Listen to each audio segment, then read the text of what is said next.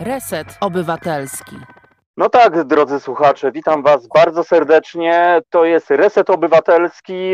Ja nazywam się Tomek Konca. No i to jest dobra pora. Dobra pora, moi drodzy. E, e, czyli e, program na żywo w bardzo dobrej porze. Oczywiście, no jak to bywa z programami na żywo, różne rzeczy się dzieją, tak więc wybaczcie, bo to, bo to jest debiut, drodzy słuchacze. No i tak to mam nadzieję będzie wyglądało, że w każdy w poniedziałek między 17 a 19 będę gościł na kanale Reset Obywatelski, no i mam nadzieję, że będziemy rozmawiali o dobrych rzeczach, no więc nie może być inaczej inaczej w takim razie, bo dzisiaj mam zacnego gościa, niesamowitą e, osobę, prezesa Stowarzyszenia Farma Dobrej Woli, pan Jacek Zalewski. Witam bardzo serdecznie. Dobry wieczór, panie Jacku. Dobry wieczór panu, dobry wieczór państwu. Za dużo dobrych no, słów. No, no w końcu to jest dobra pora, więc możemy sobie pozwolić na takie mm, historie, ale rzeczywiście założeniem tego programu było nie tylko to, że to jest dosyć dobra pora, jeśli chodzi o słuchalność, ale przede wszystkim, żeby mm, informować, pokazywać, że dobro istnieje na świecie tych takich no, czasach, które się wydają, że jego wcale nie widać.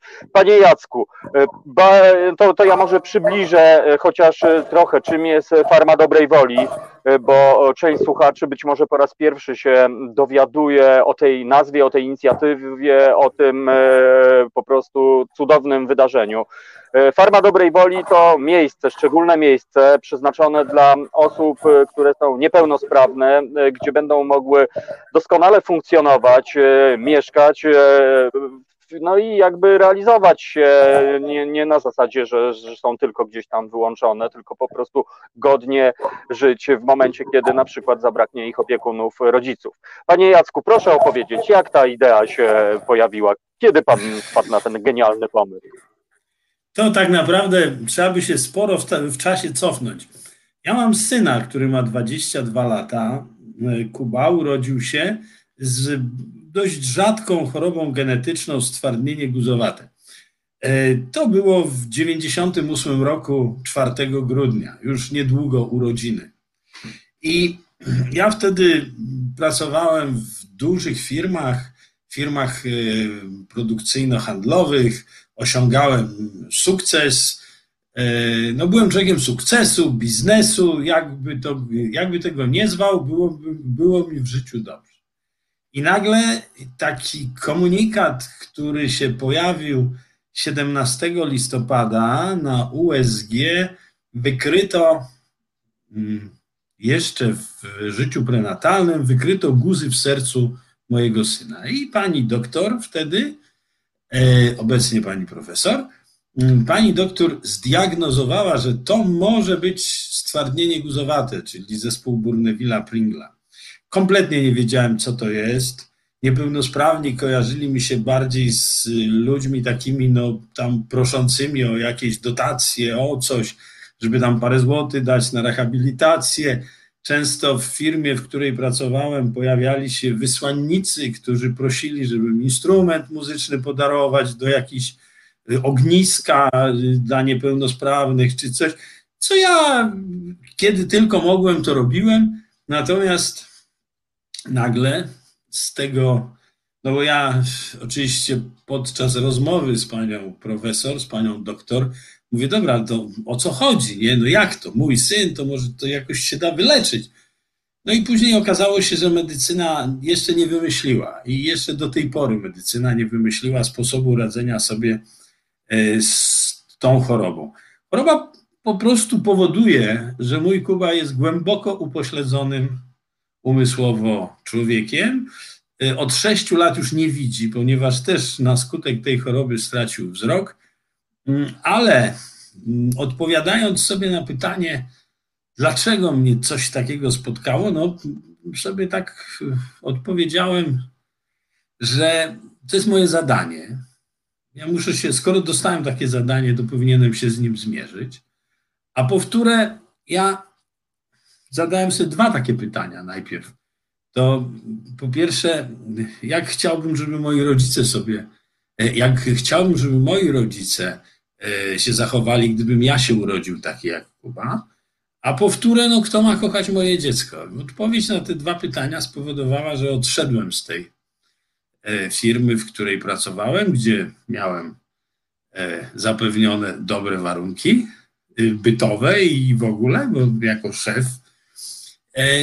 No i zacząłem podążać drogą takiego NGO-sa, czyli organizacji pozarządowej. Tutaj z tego miejsca mogę powiedzieć, że no jest w Polsce problem jest w Polsce, jakby generalnie jest problem z, z niepełnosprawnością. Nie ma, brakuje takiego jakby systemowych rozwiązań dotyczących osób niesamodzielnych, niepełnosprawności. Czasami jakieś akcje są organizowane. Organizowane są akcje, zbiórki, koncerty, inne. Natomiast nie ma takiego systemu, który by y, budził w nas, rodzicach, Y, poczucie bezpieczeństwa. To jest szalenie ważne, bo y, człowiek lubi wiedzieć, jak już coś go spotyka, to lubi wiedzieć, co dalej się z nim będzie działo. Ja pamiętam, że kiedy ta diagnoza była postawiona, to pierwsze moje pytanie, które chciałem zadać komuś, to było pytanie,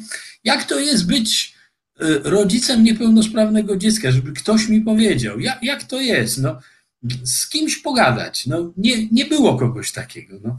Ja, człowiek jest wrzucony na, na głęboką wodę i na tej głębokiej wodzie tak naprawdę nie wiadomo, w którą stronę płynąć, żeby do jakiegoś brzegu dopłynąć. No, niemniej jednak, niemniej, minęło 22 lata i teraz już jakby jest ten, jakby jest ten kierunek wskazany.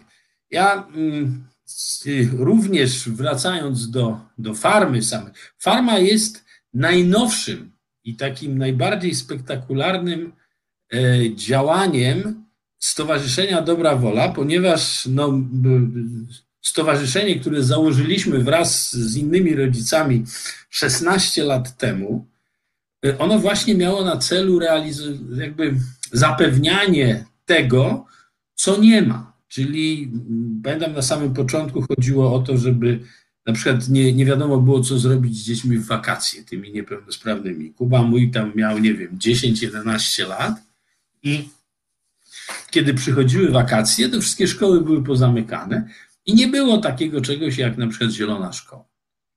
W związku z tym po raz pierwszy tam w gminie Lesznowola wtedy zamieszkaliśmy w 2000 roku. Kuba miał dwa lata, no i tam zaraz za, za kilka lat, e, kiedy Kuba już się jakby nadawał, no bo Kuba chodzi, Kuba jest taką osobą, on, jest głęboko niepełnosprawny, ale nie jeździ na wózku, więc on jest taki dynamiczny człowiek. E, I kiedy, kiedy poszedłem do właśnie pani wójt w Lesznowoli z taką propozycją, żeby dała mi kawałek szkoły, to ja tam zorganizuję półkolonie.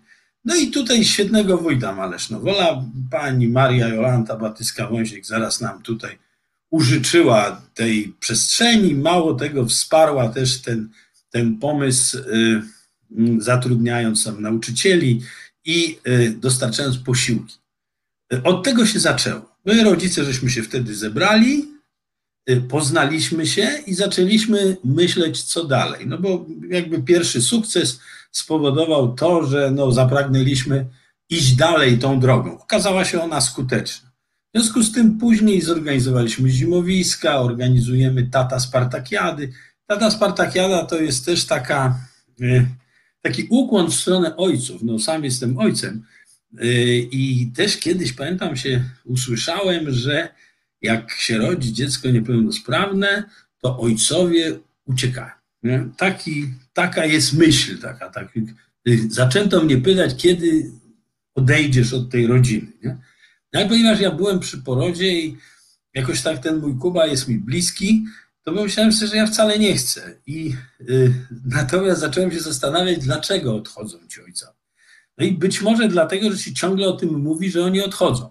No więc żeśmy zaczęli, wymyśliliśmy taką e, imprezę Tata Spartakiana, na której przychodzą ojcowie ze swoimi dziećmi i zdobywają laury. I okazuje się, że ci ojcowie też coś potrafią od siebie tu dać, że to nie jest tak źle i w ogóle, i że fajnie jest być takim ojcem, co nie odchodzi, i że potrafi kochać tego dzieciaka i nie jest to ten zły, który tam ta matka bidna siedzi z tym dzieckiem i go tam niańczy, a on se idzie gdzieś do innej, w inną sferę, nie zagłębiając się dokąd. No i tutaj takich ojców wokół mnie zaczęło być coraz więcej. No i rzeczywiście teraz ostatnio na tych tata Spartakiadach, to tam bywa po tysiąc osób. To się zrobiła impreza taka duża, pani prezydentowa i poprzednia, i obecna obejmuje nas zawsze honorowym patronatem. Także jest to taka impreza, która jest no, ze wszechmiar można powiedzieć prestiżowa, no bo wszyscy, znaczy dużo, te środowiska osób niepełnosprawnych słyszały o Tata Spartakiadzie, to jest impreza dla ojców i dzieci. Oczywiście mamy też tam są i ostatnio w tym roku nawet mama została super tatą. Nie super mamą, tylko mama super tatą została. I tak realizując, realizując, rozglądając się, czego brakuje, co trzeba zrobić, nagle no, spotykamy, i to wszyscy rodzice, yy, spotykamy taką niemoc, mianowicie kiedy dziecko rośnie, kiedy dziecko yy, zaczyna kończyć szkołę, bo system szkolny w Polsce polega na tym, że szkoły specjalne to są podstawowe, znaczy jest, są przedszkola specjalne, są szkoły podstawowe, są szkoły ponadpodstawowe, wtedy kiedy jeszcze kilka lat wcześniej były gimnazja i kiedy się tak kończy 21 lat, to się temu dzieciakowi mówi do widzenia. To znaczy już nie ma dla ciebie miejsca, rocznikowo. Co to oznacza? No, w przypadku człowieka normalnego, czyli takiego w normie, jak on kończy szkołę, to on po to chodzi do szkoły, żeby się nauczyć, wykształcić zawód, wykształcić fach, wykształcić pewne umiejętności, które pozwalają mu albo pójść na studia, albo podjąć pracę zarobkową. W przypadku osób niepełnosprawnych, zwłaszcza intelektualnie, praca zarobkowa jest w 99% no, niewykonalna bo oni nie mają normy. Oni nie, nie, nie potrafią funkcjonować. Oczywiście próbuje się różnych rzeczy. Są warsztaty terapii zajęciowej, gdzie ci niepełnosprawni wyrabiają tam kwiatki z papieru i te kwiatki ktoś odkupuje, ale to y, głównie chodzi o to, żeby mm, na przykład gmina zamawia w warsztatach terapii zajęciowej pocztówki i w ten sposób jakby niejako dofinansowuje te warsztaty terapii zajęciowej. Ale nie jest tak, że człowiek, który kończy szkołę i ma 21 lat czy 22 lata, on nagle idzie do pracy i zaczyna samodzielnie żyć. Pikanterii całej sytuacji daje fakt, że jego rodzice też są coraz starsi. On tak naprawdę, ten człowiek, on tak naprawdę nie przestaje być dzieckiem, natomiast jego rodzice stają się coraz starsi i nie mają siły. W związku z tym zaczyna nad nami pojawiać się ten cień, co będzie z, na, z naszym dzieckiem, kiedy my stracimy siłę, a on skończy szkołę. Szkoła to jest szalenie wygodna rzecz, ponieważ przyjeżdżają po mojego Kubę o godzinie tam siódmej 15, zabierają go busem, zawożą go do szkoły specjalnej i później koło godziny 16, 16.30 go przywożą.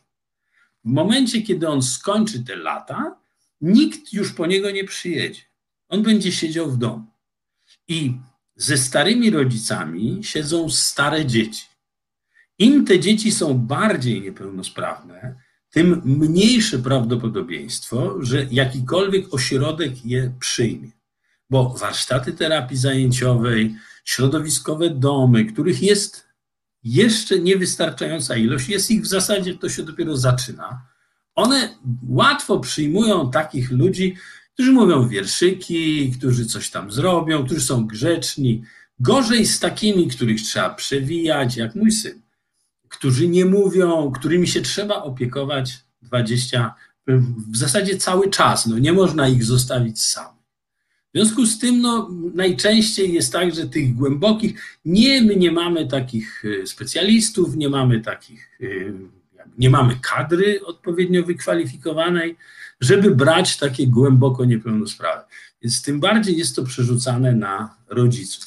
Nikt z nas nie chcę też oddać dziecka do domów pomocy społecznej, które w tej chwili funkcjonują, chociaż one mają wiele zalet i są y, tak naprawdę no, taką y, odpowiedzią tutaj systemu na to, co zrobić z takim dzieckiem. Tylko no, ja objechałem chyba 10 czy 15 takich domów kilka lat temu, a nuż znajdę miejsce, gdzie chciałbym, aby mój syn trafił. No nie znalazłem. To znaczy, ja, ja nie chcę mówić gdzie, nie chcę mówić dlaczego. Generalnie nie spełnia to, jak y, nie ma rodzica, z którym ja rozmawiałem, który by mi powiedział, że o tam jest fajny, ja tam oddam mojego syna czy moją córkę. W związku z tym, ponieważ jak już odszedłem z tych dużych firm, zacząłem się tym zajmować, no to czasami tam e, zajmowałem jakieś zdanie, znaczy w dyskusji występowałem, coś robiłem takiego nietypowego. E, był nawet czas, że byłem doradcą ministra. Byłem doradcą ministra Władysława Kosiniaka-Kamysza. Pracowałem w ministerstwie, ponieważ on się dowiedział, że na półkoloniach dobrej woli to dzieci balonami latają, e, jeżdżą motocyklami i tak dalej. Te niepełnosprawne przyjechał to zobaczyć. I kiedyś rzeczywiście, chyba w 2012 roku, miałem taką niespodziewaną wizytę ministra, co na początku jakoś nie uwierzyłem w to, bo, bo jak do mnie zadzwonili i mi powiedzieli, że jedzie do mnie minister, to pomyślałem, że to jakiś dowcip ktoś se robi ze mnie i, i mówię, no bo tak się czasami robiło, jakiś kawał komuś, nie, wiesz, tam coś takiego. No więc przyjechał rzeczywiście, no porozmawialiśmy na temat y, jakby tej sytuacji, tak no dość krótko żeśmy rozmawiali, bo on chyba z dwie godziny, bo okazał się bardzo takim sympatycznym człowiekiem. Władysław y, jest lekarzem. No, poznaliśmy, polubiliśmy się. I, y, i tak naprawdę, kiedy chyba z, za rok czy dwa zadzwonił do mnie z propozycją, czy nie zechciałbym być jego doradcą, to ja się zgodziłem, bo mówię, no dobrze, być jest tam, gdzie zapadają decyzje. Y, no niestety później po wyborach jakby ta moja posada w ministerstwie się skończyła. No i zaczęło się jakieś tam inne. Znaczy, no już, już nie jestem w, tamtym, w tamtej sferze. Natomiast y, y, oczywiście problem został. I, y, I problem został. I to, co, I to, co ja y, chcę powiedzieć, że Polsce jest ogromny problem polegający właśnie na tym y, wieku szkolnym, na tym limicie, do którego osoba niepełnosprawna może być w jakimś systemowym y, y, tutaj ujęciu może być zaopiekowana. Rodzic ma wtedy swobodę do pracy, może, y, nie wiem, w tym czasie realizować jakieś inne aktywności, bo ten dzieciak jest gdzieś zaopiekowany. Kiedy dziecko już nigdzie nie jeździ, to nie da się go zostawić samego w domu. Więc rodzic musi zrezygnować. Najczęściej jeden z rodziców rezygnuje z pracy. E, to nic, bo tylko tu jakby o co innego też chodzi. Rodzic jest coraz starszy. Dziecko jest coraz bardziej niepełnosprawne, bo z wiekiem nasze dzieci e, stają się coraz bardziej niepełnosprawne. I teraz e, mój Kuba 6 lat temu stracił wzrok. On widział i 6 lat temu stracił wzrok. Jest to efekt jego choroby podstawowej, tego właśnie zespołu Bourneville'a Pringla, ponieważ na dnie oczu powstały, bo tam zrobiły się guzy, które spowodowały, to jest nieoperacyjne, nie da się tego naprawić, były próby robione, nie udało się.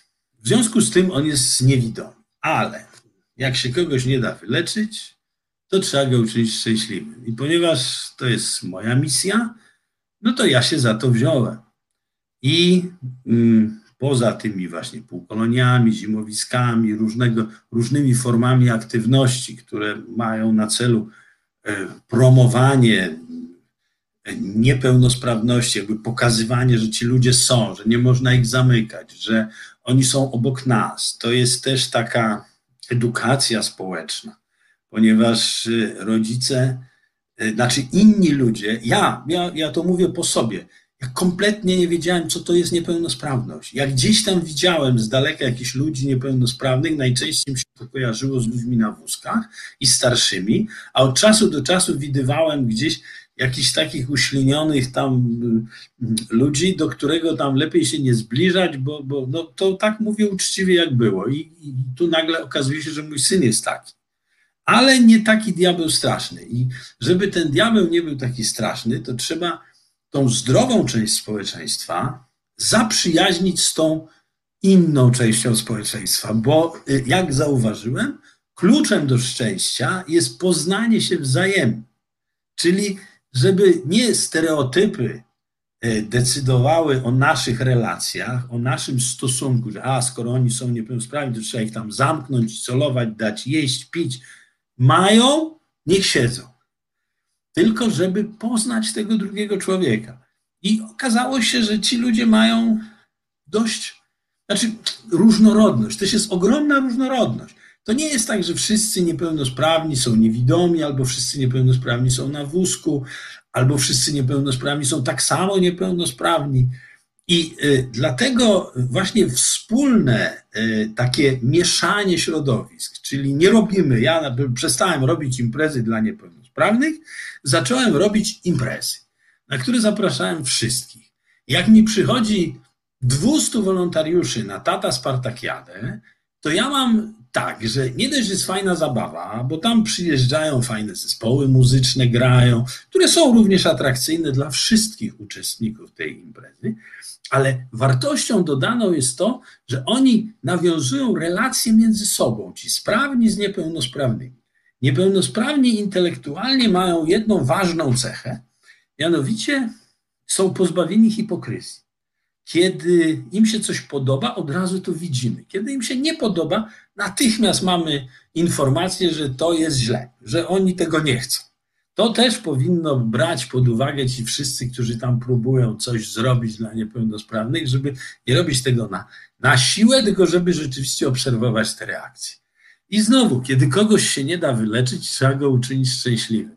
Kiedy medycyna sobie nie radzi, kiedy my dopuszczamy albo wręcz nakazujemy, jak to teraz się usłyszeli, usłyszeliśmy niedawno, że mają się rodzić takie dzieci bez względu na wszystko, to powinniśmy, nim nałożymy te wszystkie nakazy, nim zatwierdzimy te wszystkie prawa, powinniśmy zadbać o to, żeby tych ludzi odpowiednio przyjąć na tym świecie i odpowiednio ich przez, ten, przez to życie poprowadzić bo nie wystarczy nakaz, że proszę bardzo, masz tutaj dzieci takie, mają się rodzić bez względu na wszystko i to nie decyduje matka, ojciec, tylko decyduje ktoś. Ja nie jestem zwolennikiem aborcji, żebyśmy się dobrze rozumieli. Ja jestem tylko zwolennikiem takiego zdrowego podejścia do tematu. W momencie, kiedy będziemy w posiadaniu takiego systemu, który zagwarantuje rodzicom bezpieczeństwo, i zagwarantuje rodzicom e, poczucie, że ich dziecko będzie odpowiednio zaopiekowane od momentu urodzenia aż po jego śmierć, to wtedy te nakazy będą miały większy, większą rację bytu niż teraz, kiedy de facto my rodzice jesteśmy skazani, znaczy no, my, my rodzice się zajmujemy tymi dziećmi. Co by nie mówić, to, są, to, jest, są, to jest życie, to jest takie co trzy godziny mycie tyłka, nie, i tak dalej, to, to my to mamy. I, i mhm. y, za dużo Panie Jacku, nie, pan gada po prostu, bo ja już wiem po pierwszej rozmowie z panem, że pan jest takim chodzącym audiobookiem, tak więc y, ja mógłbym słuchać bez końca i tak mam nadzieję będzie. Natomiast jest, tak sobie pomyślałem, że to, co pan mówi, w ogóle jakim językiem pan się posługuje, to jest takie odczarowywanie tego tematu, bo mam wrażenie, znaczy to nie mam wrażenia, jestem pewien, że temat osób niepełnosprawnych to jest takie u nas tabu. Nie wiemy tak naprawdę, jak y, o tym mówić, bo, bo często no, no widzimy, ale kieruje się, nie wiem, nami jakaś tam dziwna litość albo takie jakaś poprawność polityczna. Ja pamiętam, jak kiedyś do kolegi, który stracił wzrok, e, powiedziałem, tam gadamy coś tam o czymś, a mówię, a widzisz, i w tym momencie za głowę się złapałem. Mówię, och kurna, co ja powiedziałem po prostu, nie? Kolega oczywiście się zaśmiał e, i, i moim zdaniem, no, gdyby ludzie, byli tacy ludzie, albo więcej ludzi, a może po prostu, nie wiem, jakiś fundamentalny program e, edukacyjny od samego początku, żeby normalnie o tym rozmawiać, to, to ja myślę, że to już byłby dobry fundament i dobra podstawa, żeby próbować budować w ogóle coś więcej systemowo, bo jak widzę, ten system totalnie leży. Gdyby nie e, wy, rodzice, e, i takie inicjatywy, które podejmujecie, no to po prostu to byłoby tu tragedia, no co tu dużo mówić, no po prostu. No, znaczy, rzeczywiście, mając, znaczy mamy demokrację, prawda? Możemy rób ta, co chce ta, nie? Znaczy, w sensie takim, że no, są te organizacje pozarządowe, stworzono nam takie możliwości, e, ale mm, to nie wystarczy. Znaczy, jednak ta niepełnosprawność wymaga e, pewnych e, konkretnych posunięć.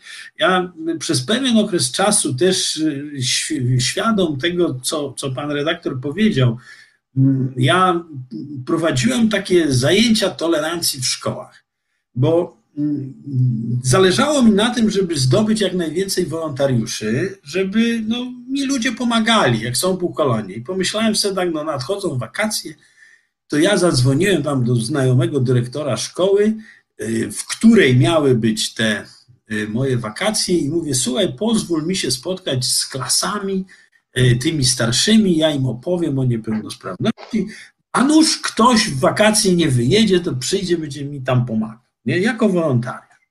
Dobra, zgodził się. Spotkałem się z tymi ludźmi, porozmawiałem, tak powiedziałem jak ojciec, nie, tak, nie, nie, nie narzekałem, jak to ciężko, jak to źle. No tak po prostu powiedziałem, że każdy ma jakieś swoje zadanie, no nie wiadomo, czy wam się takie dziecko nie urodzi, nie, no bo to nikt nie jest tego pewien. I po takim jakimś krótkim, po dwóch lekcjach wyszedłem, nie miałem w ogóle świadomości tego, jaki wpływ ta lekcja wywarła na tych ludzi, natomiast później okazało się, że połowa klasy przyszła do mnie na wolontariat. Właśnie jakby powołując się na tą lekcję, czyli uznałem, że to jest dobry kierunek i zacząłem prowadzić takie lekcje na terenie Warszawy, później całej Polski. Znaczy jeździłem sobie, gdzieś tam ktoś sobie życzył, to ja jechałem, spotykałem się z młodzieżą w ramach e, godzin wychowawczych e, i jakby opowiadałem im tak o sobie, nie? że ja tu byłem przedsiębiorca, tu mi się wydawało, że wszystko mogę, a tu nagle ciach, jeden mały gen wywrócił wszystko do góry nogami. Edukacja społeczna to jest bardzo ważna rzecz. To jest y, taka edukacja, która powinna być y, programowo. Ona powinna być zaprogramowana. Y, uczymy się o uchodźcach, uczymy się o, o innych, jakichś takich tutaj niszowych sytuacjach, natomiast nie ma takiej wiedzy na temat niepełnosprawności, na temat osób niepełnosprawnych. Niepełnosprawni, jak podają statystyki, stanowią 14, no 12% społeczeństwa. To są wszyscy niepełnosprawni.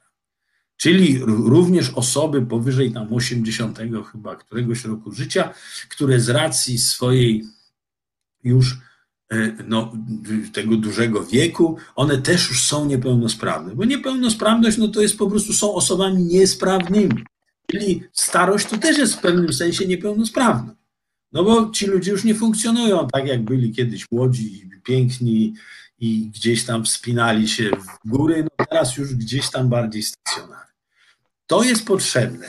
E, również y, w swojej tej drodze życia z Kubą napotykałem takie sfery kompletnej niewiedzy, na przykład wśród policji, wśród straży pożarnej. Ja tego nie krytykuję.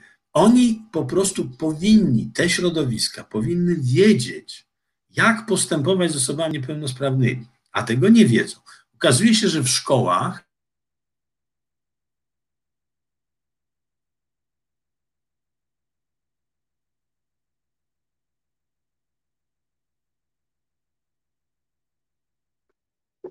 tych węta z pożaru. Uczą się, jak wyprowadzać zwierzęta z pożaru.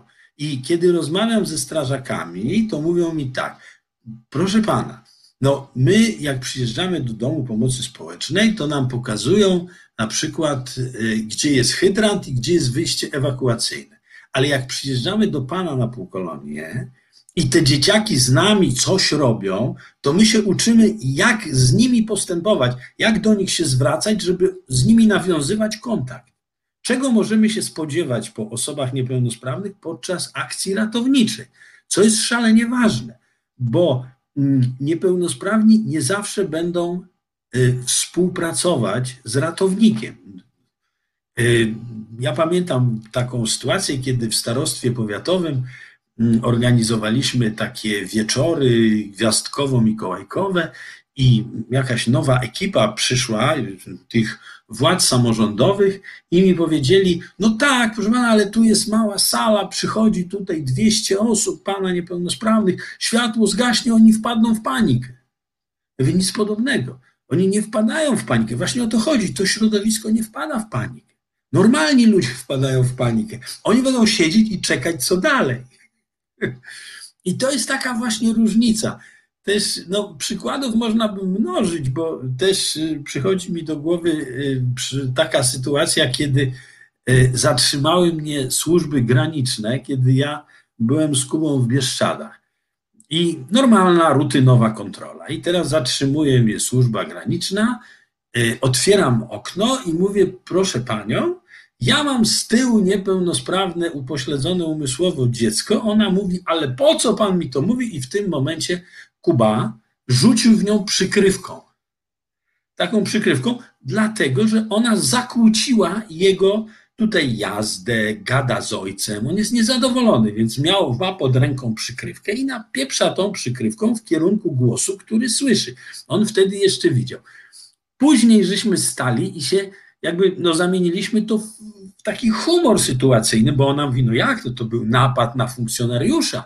Ja mówię, to pani mówię, że ci ludzie, oni nie wiedzą, y, nie, jakby nie są w stanie się dostosować do pewnych zachowań, norm, które są powszechnie obowiązujące. I dlatego teraz, jak jesteśmy gdzieś w jakiejś strefie przygranicznej, to zawsze do Straży Granicznej z grupą moich dzieci się udajemy. I też, żeby ci strażnicy się oswoili z nimi, żeby ci funkcjonariusze Straży Granicznej. To samo na przykład y, założyliśmy drużynę strażacką złożoną z osób niepełnosprawnych. E, I e, oni nie jeżdżą do pożaru, ale oni odwiedzają jednostki, e, poszczególne jednostki Straży Pożarnej, żeby z nimi razem ćwiczyć, co w, w domniemaniu takim podstawowym celem jest to, żeby funkcjonariusze nauczyli się, jak obsługiwać podczas wydarzeń, jak obsługiwać osoby niepełnosprawne intelektualnie. To jest tak, że jak się wyprowadzi człowieka z pożaru i zostawi się go w bezpiecznym miejscu, to człowiek będzie czekał, a osoba niekiedy, osoba niepełnosprawna może się wrócić do pożaru, bo tam została jego zabawka, przykrywka albo książeczka. I trzeba to mieć na uwadze, że mamy osoby nie, z osobami niepełnosprawnymi do czynienia. Ja to, znaczy to się dzieje. Ja to robię, już nie tylko ja to robię. Idzie to w dobrą stronę, niemniej jednak brakuje nam tych rozwiązań takich na szeroką skalę, bo NGOsy jedne robią, drugie nie robią, y, trzecie robią coś innego. Środowisko mm, tych organizacji pozarządowych jest duże, ale jest niesamowicie mozaikowe. I y, nie jesteśmy w stanie systemowo rozwiązać żadnych problemów. To jest y, tak jak ja mm, od samego początku mówię, że najważniejsze w niepełnosprawności jest ten moment, kiedy się otrzymuje diagnozę, kiedy ta niepełnosprawność do nas przychodzi.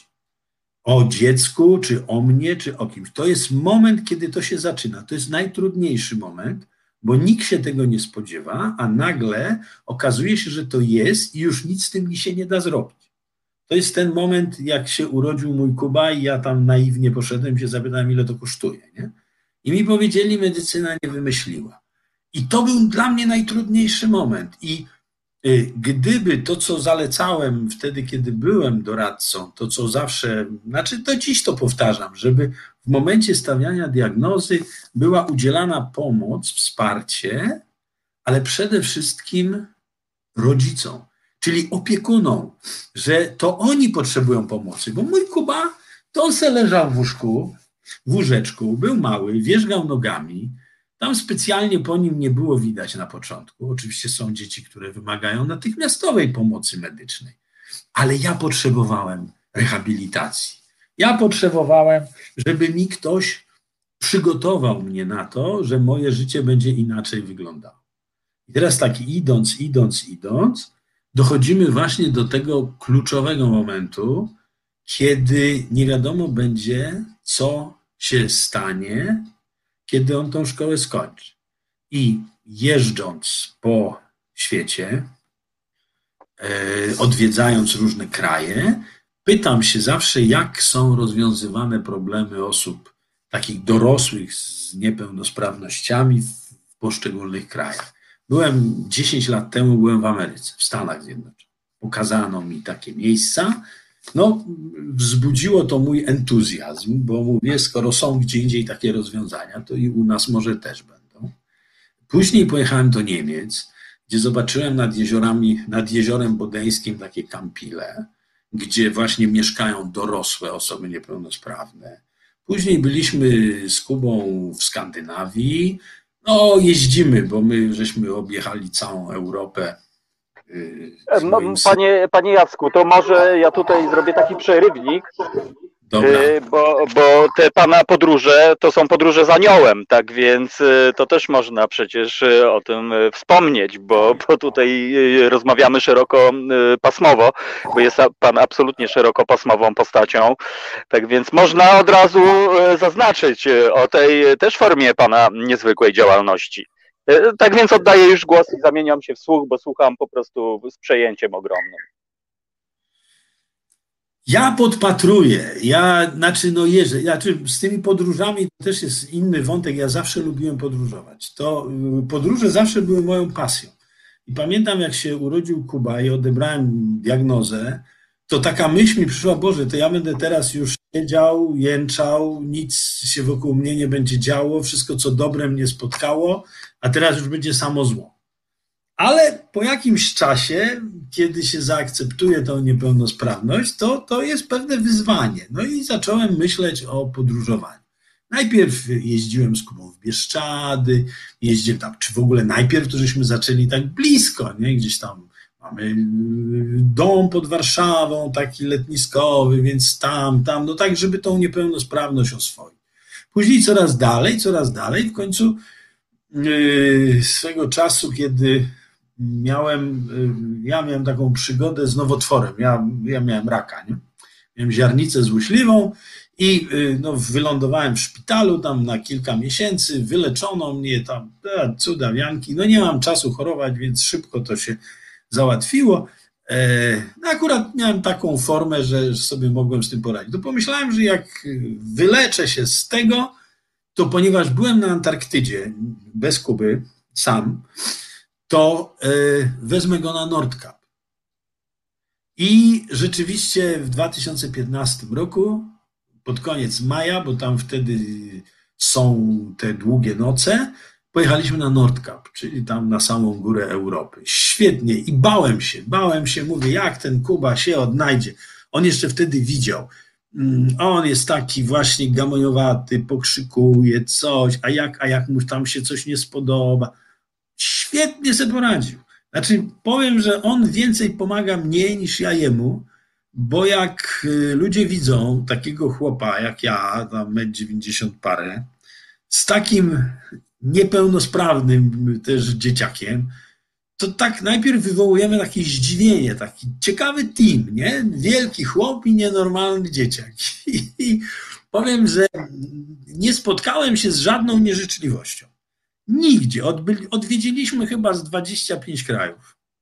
Nie, w całej Europie żeśmy byli. Tam są jakieś takie nie, nie, no, nie, niedobitki, może nie wiem. Nie umiem nawet powiedzieć. No nie byliśmy w Liechtensteinie, prawda? No bo gdzieś, ale tu generalnie żeśmy objechali.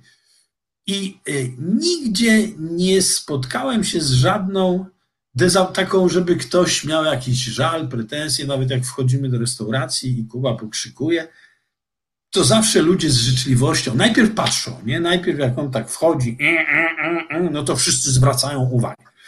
Ale tajemnica tkwi w mojej reakcji. Nie w reakcji Kuby. Otóż chodzi o to, żeby na to nie zwracać uwagi. Ja mam na to nie zwracać uwagi, bo ludzie patrzą na Kubę i od razu na mnie, jak ja reaguję. Jeżeli ja nie reaguję, to znaczy, że to jest norma.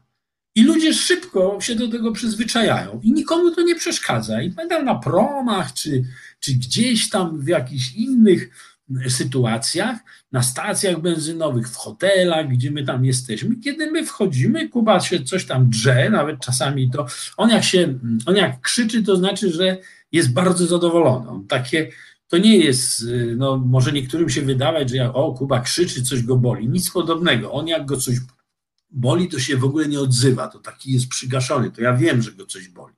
Jak on tak wchodzi, e, e, e, zadowolony, tu wymachuje rękami i to, to, to, to ja wtedy wiem, że on jest szczęśliwy, idę w te, w te klimaty.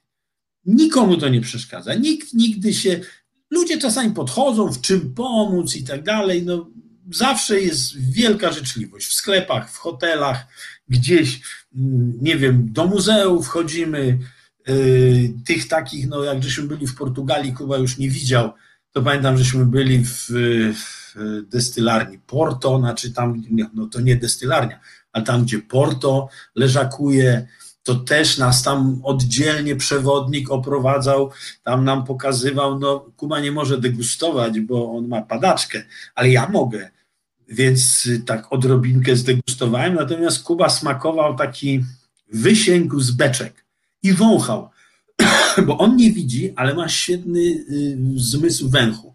Więc ja też patrząc na te aktywności nasze y, wakacyjne, często, y, znaczy jakby biorę pod uwagę jego potrzeby, e, ponieważ on rzeczywiście, e, no, on ma być szczęśliwy, to on jest tak naprawdę spiritus movens z tego wszystkiego, on jest tym podmiotem lirycznym, ja jestem tylko kierowcą i opiekunem. W związku z tym, no, gdzieś na przykład na klifach y, w Irlandii, y, gdzie żeśmy stawali, jak ten wiatr wiał, mu tam te włosy odwiewało, albo wetrete jeszcze lepiej, to jest w Normandii, te słynne białe klify, tam jest ta Port Laval, ta igła taka, no to no to było, to on się tam czuł przeszczęśliwy. Tam jeszcze taki zapach morza, że dochodził. Jakaś muzyka gdzieś po, po, pobrzękiwała, bo to gdzieś tam z jakiejś knajpy, tawerny. Rewelacja. On się świetnie odnajduje w podróżach. Kiedyś pamiętam, ktoś mnie się zapytał, po co ty jeździsz, jak on jest niewidomy? Ja mówię, bo jest szczęśliwy. Bo on w różnych, im więcej bodźców się dostarczy tym ludziom, tym, y, tym oni się lepiej rozwijają. On, ja też mam to na uwadze, że im więcej on będzie szczęśliwy, tym może będzie w lepszej formie dłużej. To nie chodzi o to, żeby go ciągle rehabilitować, żeby go tam naprawiać, żeby go tam uciskać, żeby z nim wykonywać jakieś ćwiczenia. Y, pamiętam kiedyś też żeśmy to robili, no bo to wszyscy rodzice przez to przechodzili i w którymś momencie jak podjechaliśmy pod taki ośrodek rehabilitacyjny, Kuba jeszcze widział wtedy, to był któryś tam z kolei raz, on był tam bardzo niezadowolony. On, mi, on, się, on jakby zesztywniał cały, on się bał tego, on nie chciał. Ja mówię, kurczę, po co ja mam, w imię czego? Ja mam tego swojego dzieciaka męczyć. Inaczej, no podjąłem decyzję, dobra, robimy inną rehabilitację. Nazwałem to antyrehabilitacją. Czyli żeby nie naprawiać ludzi za wszelką cenę, nie ciągnąć ich do naszego świata, ale zniżyć się do ich poziomu i tam w ich, w ich świecie dać mu, im szczęście. I tak działają półkolonie. Dlatego mówię, w tym roku, no poza tym, żeśmy latali balonami, że pływaliśmy żaglówkami, że pływamy kajakami, to w tym roku po raz pierwszy żeśmy jeździli wrakami samochodów, takie offroadowe trasy i oczywiście oni sami nie jeżdżą, ale zakładaliśmy im odpowiedni kask, przypinaliśmy pasami, no i wytrawni, sprawdzeni kierowcy z tam z tych rejonów przewozili ich tak dynamicznie. I na moją uwagę zwrócił fakt, że dzieci, które chodzą w słuchawkach, bo im ostry dźwięk przeszkadza, zaczęły zrzucać te słuchawki, jakby chciały słuchać tego dźwięku, tych ryczących silników. E, to nie jest e, jakby reguła i sposób, ale wiem, że każdy rodzaj bodźca, e, którym obdarujemy osobę niepełnosprawną, tak naprawdę my nie wiemy, co ona wywołuje w tym człowieku. Musimy to obserwować. Jeżeli bym zauważył, że dzieci, nie wiem, uciekają, płaczą, krzyczą, że im to nie odpowiada, to bym w ogóle tam nie po, to ja bym szybko ich stamtąd wycofał. Tak czasami się dzieje, że gdzieś komuś coś nie odpowiada, natychmiast je gdzieś tam zabieramy, w, no, nie na siłę. Ale jak się widzi, że te dzieciaki są szczęśliwe, to się idzie w tą stronę. I, y, I tak to właśnie wygląda. No, w, tych, w tych podróżach zacząłem się odnajdować ja też, bo ja lubię podróżować. Kiedy widzę szczęśliwego mojego syna, mało tego, zawsze w podróż jeździmy jeszcze z kimś, bo ja się boję wyjeżdżać samemu z Kubą, bo gdybym ja, nie wiem, zasłab, złamał nogę czy coś, no to Kuba nie jest w stanie mi pomóc no jakby to jest podróż no, do Portugalii, to jest 3,5 tysiąca kilometrów. Więc zawsze biorę kogoś z przyjaciół albo z rodziny, kto jedzie, kto jednocześnie mm, jakby pełni funkcję operatora kamery. Mamy taką fajną kamerkę HD i zawsze te filmy są, y, y, jakieś ujęcia, sceny są kręcone. Później telewizja polska zrobiła z tego chyba siedem odcinków są tam podróże z aniołem, Kuba i tata na końcu świata to jest pierwszy, a ostatni to chyba jeszcze nie został zmontowany, ale to jest z Wiednia. Byliśmy, no cały szereg, tam siedem, czy chyba siedem, siedem, siedem filmów jest jakby dostępnych też na YouTubie. Kuba i tata i tam coś tam, nie? Na normandzkich szlakach, na albańs, w albańskich klimatach, u czeskiego brata, no i to tak, żeśmy właśnie jeździli sobie Pierfajowsko. I też mm, wszędzie staramy się poznawać to środowisko osób e, niepełnosprawnych w danym kraju. I bardzo są podobne. To jest nieprawda, że gdzieś jest super, a u nas w Polsce jest e, źle. Rodzice zawsze narzekają. Czy to się może trochę kłóci z tym, co na początku powiedziałem, ale rodzice niepełnosprawnych dzieci nigdzie nie są zadowoleni, ponieważ mają niepełnosprawne dzieci. I to już powoduje, że oni są niezadowoleni. Natomiast y, rozwiązania są w, jednym, w jednych krajach są lepsze, w innych gorsze, natomiast nam pozostaje inspirować, jeździć, bo mm, to, co mówiłem o Stanach Zjednoczonych, że na przykład oni mają w miarę dobry system taki e, ułożony. Jak się rodzi dziecko, to dostaje rodzic pomoc i tak dalej. Ale tam też brakuje, na przykład, o, w Skandynawii powiem, jak y, oni zaczepiano mnie gdzieś tam w Norwegii, pytano, skąd jesteś? Ja mówię, z Polski. O, to z Polski się podróżuje z takim człowiekiem. Ja mówię, tak, nie, bo u nas to mają świetne ośrodki. Oni tam w tych ośrodkach siedzą i mają wszystko, ale się nie podróżuje tak. Ja mówię, co to daje temu człowiekowi? Ja mówię, daje mu szczęście. Zobacz, tu stoimy na tych fiordach, nie? I on jeszcze wtedy widział i te wysepki, wysepeczki, te kamyki mu się mienią. To daje mu szczęście. I tych ludzi trzeba uszczęśliwiać. I oczywiście to, że jesteśmy w Polsce, to, że Polska jest krajem w tej grupie krajów, to, to może się komuś nie podobać, ale my naprawdę jesteśmy, my, my mamy dobrobyt. Jak byłem w Kenii, jak byłem gdzieś w Argentynie, w Chile, to ja widziałem kraje, które są biedne. I my nie możemy powiedzieć, że w Polsce jest biednie. Nie? Znaczy, my na pewno mamy trochę gorzej niż mają Niemcy, Szwedzi i inni, ale generalnie należymy do tej grupy krajów, gdzie te trzy czwarte świata nam zazdrości nie? i chce tu przyjechać i mieć takie warunki. I, e, i, dlatego, I dlatego warto się inspirować, warto robić. Ja e, wracając z podróży i nawiązując do tych domów inteligentnych, bo to też trzeba powiedzieć, że to, co ja tam zobaczyłem, to była taka pierwsza inspiracja, ale później, oczywiście mając cały czas na uwadze 20 czwarty rok życia, ponieważ czego wcześniej nie powiedziałem, osoby głęboko niepełnosprawne mogą przebywać w Polsce w ośrodkach tych szkolno-rewalidacyjnych do 24 czy 5 roku życia. Czyli to są takie osoby, które są kompletnie niesamodzielne, z orzeczeniem głęboko niepełnosprawne, takie jak mój Kuba. I e, w związku z tym ja kiedyś jechałem e, samochodem, no bo tam oczywiście obserwowałem te domy. Jadąc w Polsce samochodem usłyszałem taką audycję, była cały czas audycja o inteligentnych domach że Bill Gates ma inteligentny dom, że mu się szampan chłodzi, że mu się roleta tam opuszcza, że mu się tam przy, jak y, zbliża się do domu, to mu tam ogrzewanie się zwiększa, jak wychodzi z domu, to mu się zmniejsza.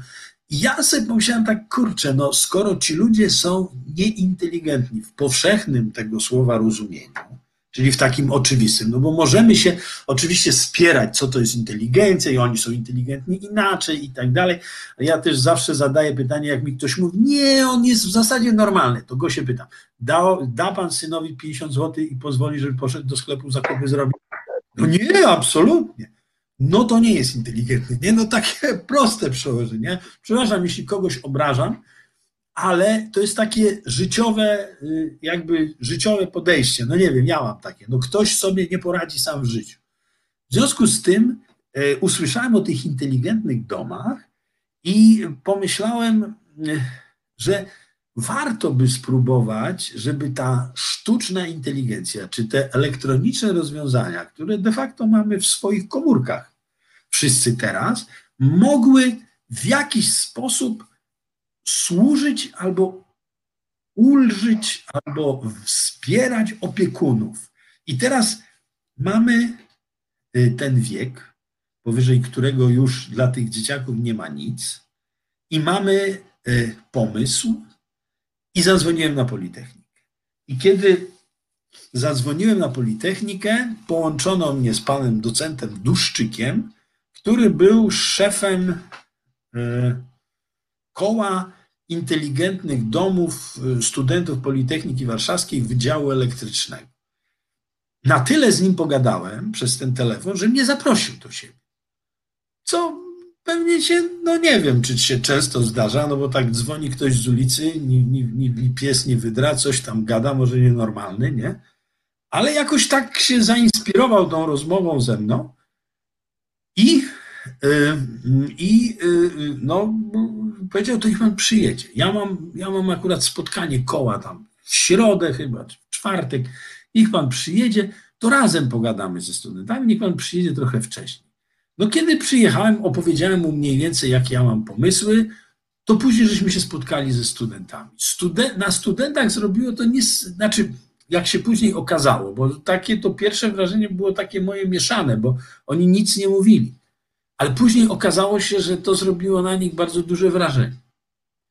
E, I y, no tam po, za dzień czy dwa y, zaczęto się dopiero ze mną kontaktować, jak ja to widzę dokładnie i tak dalej. I, i co? I może przerwy byśmy zrobili? O, o, Okej, okay, no to, e, to było medialne zagranie z pana strony, tak więc y, zróbmy może no, przerwę tak na oddech. Podciągniemy, podciągniemy emocje i będę opowiadał o inteligentnych domach. Bo znaczy, znaczy ja nie wiem, no. Chyba, chyba, że, bo ja przyznam się, cały czas słucham i słucham, słuchacze po prostu słuchają, więc ja tak się zastanawiam, czy nie szkoda czasu na tę przerwę, ale rzeczywiście może, no, może nie, poprosimy. Ja gadać, tylko nie chcę. Nie o, no to lecimy. To...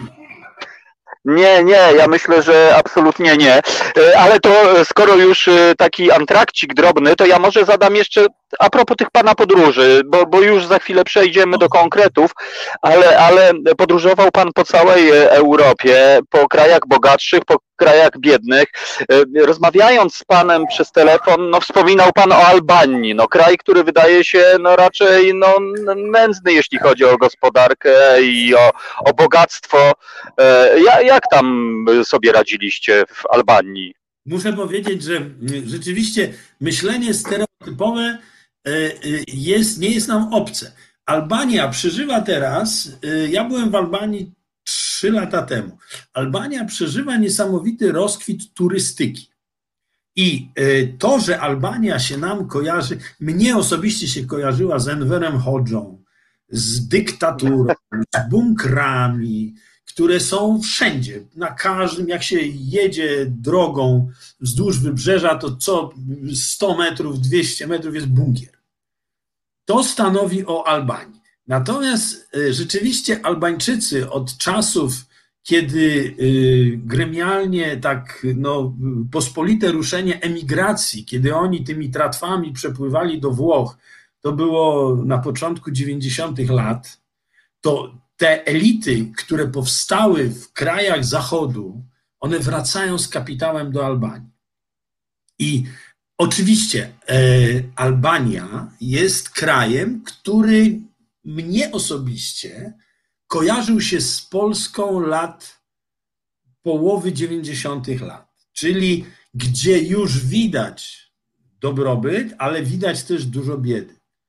Czyli ja na przykład będąc w Albanii, no jest miejscowość, która się niczym nie różni od Saint-Tropez czy jakiegoś innego kurortu zachodniego, bo jest szkło, aluminium, piękne jachty, cudowny kolor wody, cenowo zbliżona do Polski. Y, tutaj, jeśli chodzi o, ale też na przykład trafiliśmy na jaskiniowców znaczy na ludzi mieszkających w jaskiniach. Nie wiem, czy to na stałe mieszkają, ale pamiętam, jak nam się wąwozy pomyliły. Bo byłem ja, Kuba i mój przyjaciel Warzyniec Konarski, który kręcił, y, jakby był operatorem filmowym. E, ale też jako taka trzecia osoba, znaczy no, osoba wspierająca. I nam się wąwozy pomyliły. Gdzieś tam był oznaczony jakiś świetny wąwóz, gdzieś tam piękne coś tam, a pojechaliśmy tam 300 czy 500 metrów dalej, był drugi wąwóz. Weszliśmy do tego wąwozu i nagle patrzę, no jaskinie takie fajne, jak z tych jaskiń wychodzą ludzie normalnie ubrani, gdzieś tam idą, wsiadają. Nie wiem, czy oni tam cały rok mieszkają, czy może to są pasterze, którzy tylko w sezonie czasu, no my byliśmy y, połowa września, y, druga połowa września. Myśmy tak byli wróciliśmy 1 czy 2 października do Polski. Byliśmy tam dwa tygodnie. I mm, Albania, jeśli nawet nie posiada tak y, dużej infrastruktury dla niepełnosprawnych, jak na przykład Irlandia, czy Skandynawia, czy Portugalia. Tu Portugalia może być chyba jednym z liderów w Europie. Polska też się bardzo wysoko plasuje, bo mamy świetne to zaplecze, zwłaszcza kiedy się podróżuje.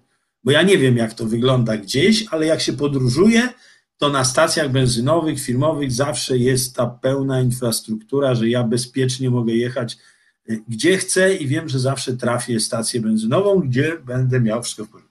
Tam natomiast było inaczej. Jeżeli na przykład wszedłem z Kubą, bo ja muszę z Kubą co trzy godziny do kibla.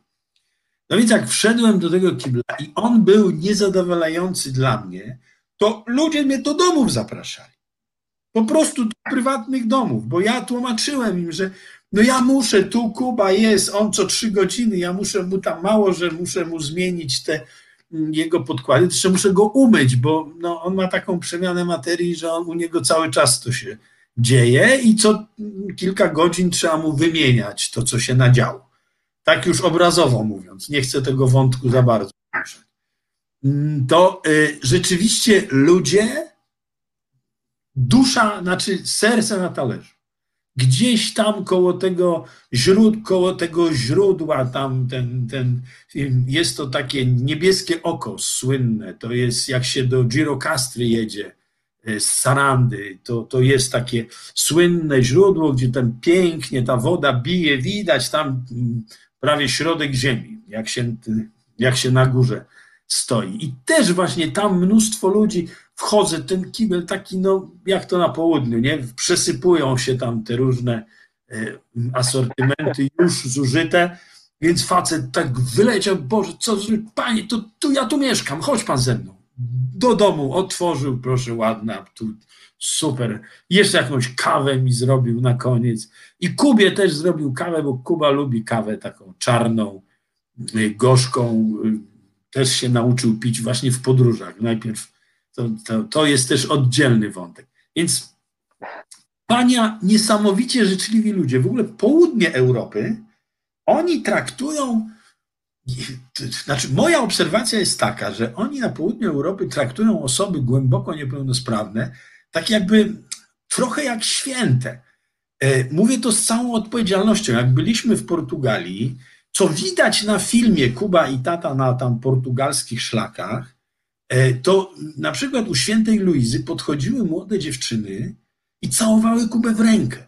Jakby oddawały mu taki, e, taki szacunek, że Boże, no skoro ten Bóg tu przysłał nam taką osobę, to ona. I to, to się też w krajach e, kultury bizantyjskiej przewija, że ci tacy nie do końca normalni, oni są otaczani takim mgłą takiej niewiedzy, ponieważ my tam nie wiemy, co w nich jest, to tak naprawdę budzą respekt w nas, taki jest y, no, szacunek do nich i Albania to samo, jakieś panie, takie starsze, podchodziły do Kuby, głaskały go, całowały go, w rękę też go całowały. I myśmy mieli naprawdę y, no, kawał y, takiej fajnej podróży, i na każdym kroku no, doznawaliśmy przyjaźni, wszystkich. Nawet pamiętam kelner w Girocastrze, gdzie żeśmy jedli obiad, zapytaliśmy się, gdzie jest dom Envera Hodge. To on mówi, dobra, to ja, teraz nie ma ludzi, chodźcie, ja was szybko zaprowadzę.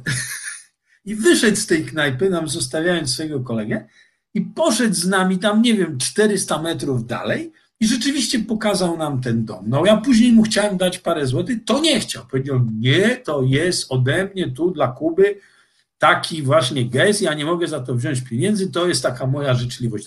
To, mi będzie w niebie policzone. I, i, I, to, to, jest, to jest, no poza tym Albania to, to są również doznania mm, bardzo intensywne dla Kuby e, i innych jakby dzieci, bo e, tam jak zapada zmrok, to uwalniają się te wszystkie olejki eteryczne, bo to jest ta makia śródziemnomorska. I teraz zapachy. Mało, kiedy już jest ciemno, to cykady, te wszystkie odgłosy tej, e, tej, e, e, no, tej przyrody śródziemnomorskiej, zapachy, sma, dźwięki, no, ciepło.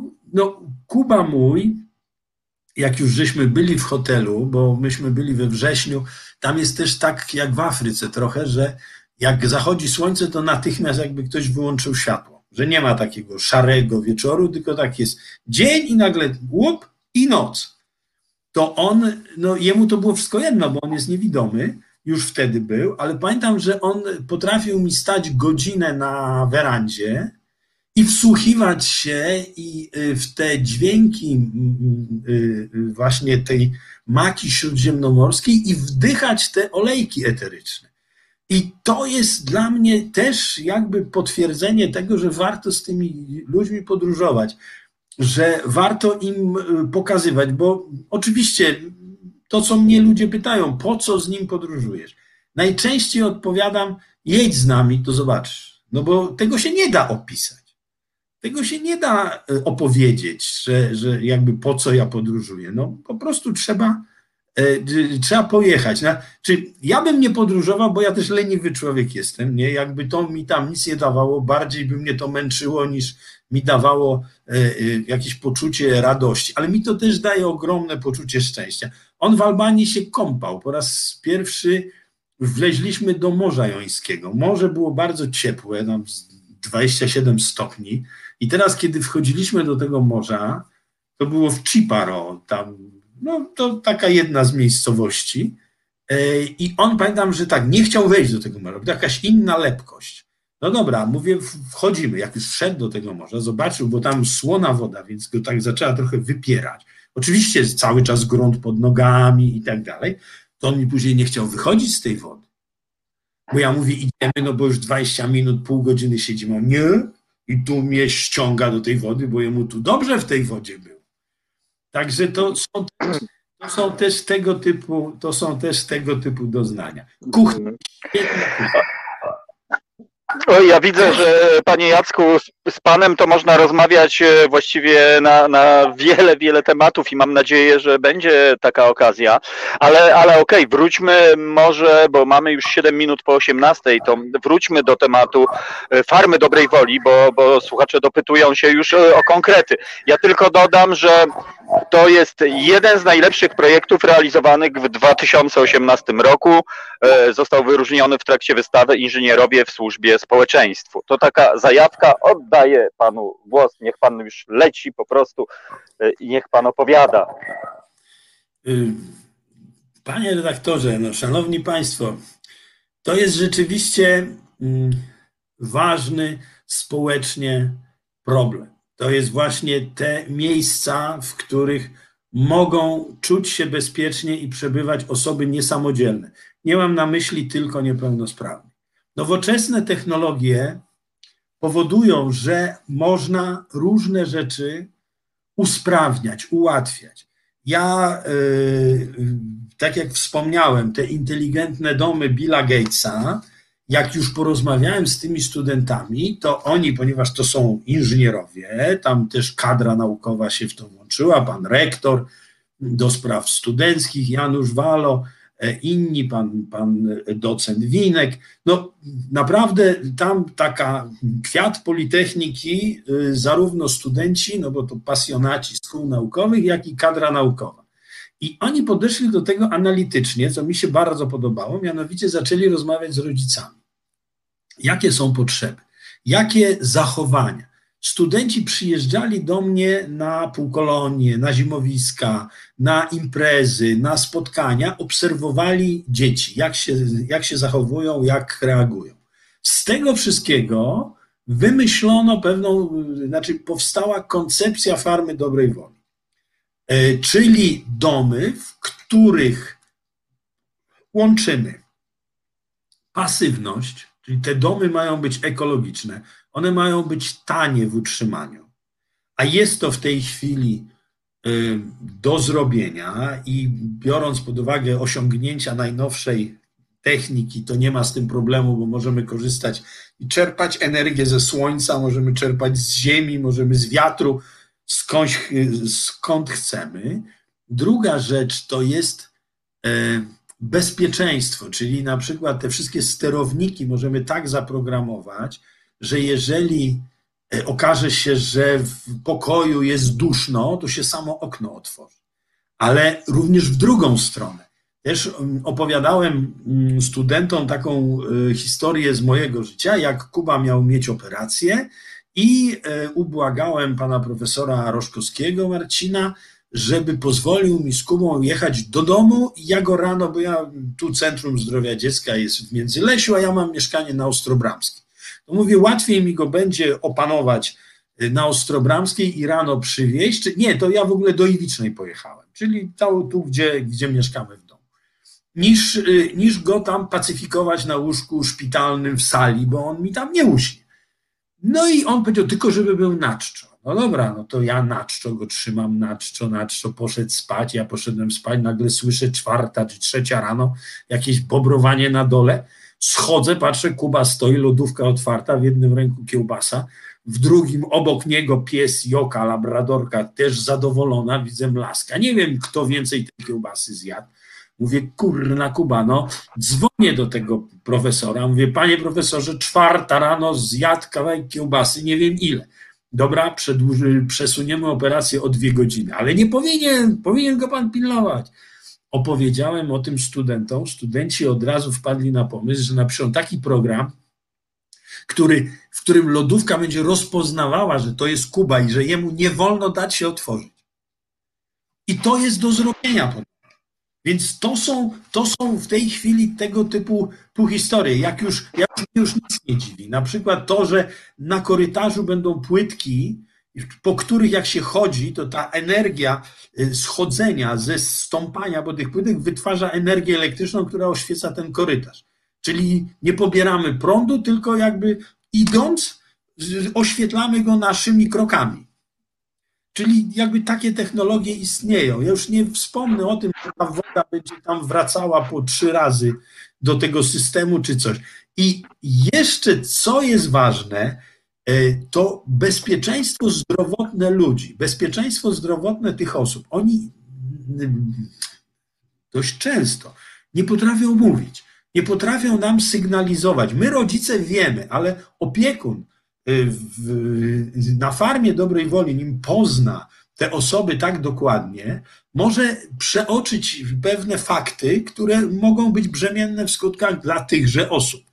W związku z tym wymyślono system takich e, czujników, chipów, które będą rejestrowały czynności życiowe ludzi non-stop. Czyli one będą cały czas monitorowały, nie wiem, ciśnienie, puls i temperaturę.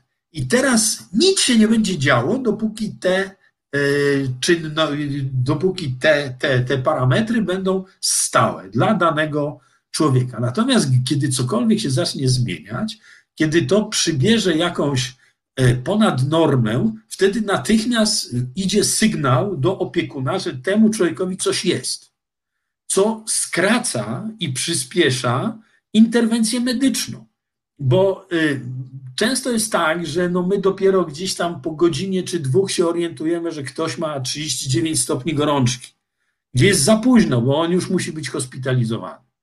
A w momencie, kiedy do niego 37 podejdzie i już pójdzie sygnał, to my możemy wcześniej zadziałać, możemy mu dać czopek, możemy mu zbić tą temperaturę.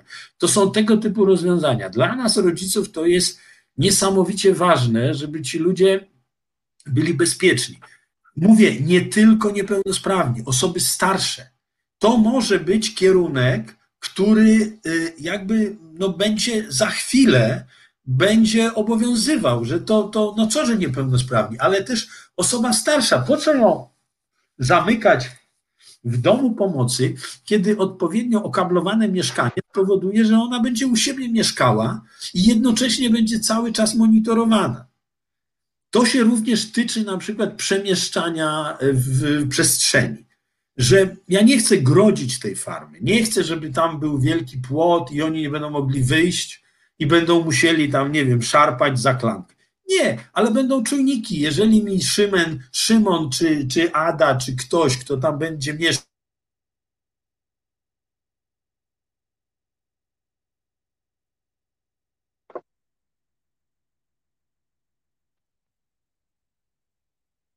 Oj, na chwilę niestety rozłączyło. Albo opiekun się tym zainteresuje. I, e, I to są właśnie te innowacje. E, poza tym ważną rzeczą na farmie dobrej woli jest e, to, że tam są mieszkania, ale też będzie praca. My chcemy tam obok jest prawie dwa hektary. To jest moja rodzinna działka, którą ja na to przeznaczam. I tam powstanie gospodarstwo rolne. My tam chcemy, na przykład, nie wiem, no w tej chwili to są pomysły. Chcemy, żeby tam powstała palarnia kawy. I e, ktoś może zapytać, no jak twój Kuba będzie się obsługiwał w palarni kawy? Mam na to sposób. Otóż mój Kuba bardzo lubi naciskać guzik, kiedy po naciśnięciu włącza się muzyka. Ja już sobie wymyśliłem, że jeżeli E, w tym procesie, który tam jakimś technologicznym, czy to będzie palarnia kawy, czy coś innego, postawimy go koło takiego guzika i on jak naciśnie guzik, to mu się zacznie, to mu zacznie grać muzyka, to jak ona przestanie, to on drugi raz to naciśnie. Bo on taki jest, bo on potrafi dwie godziny siedzieć z, z taką plastikową zabawcą i się tym bawić. I pozostaje tylko odpowiedniego, odpowiedniej, odpowiedniego doboru metody, do tego, żeby zmusić w cudzysłowie tego człowieka, żeby on uruchamiał jakiś proces. Kuba pewnie nie będzie miał świadomości, że on tam wypala kawę czy coś, ale będzie szczęśliwy. I znowu wracamy do tej zasady, jak się kogoś nie da wyleczyć, to trzeba go uczynić szczęśliwym. I to jest cel, bo my z tych ludzi nie wyciągniemy, to nie są biznesmeni, to nie są ludzie, że my tu nagle zaczniemy zarabiać coś. Ale już mam nawet pomysł, że to się będzie nazywało kawał daniołów, Będziemy to sprzedawać.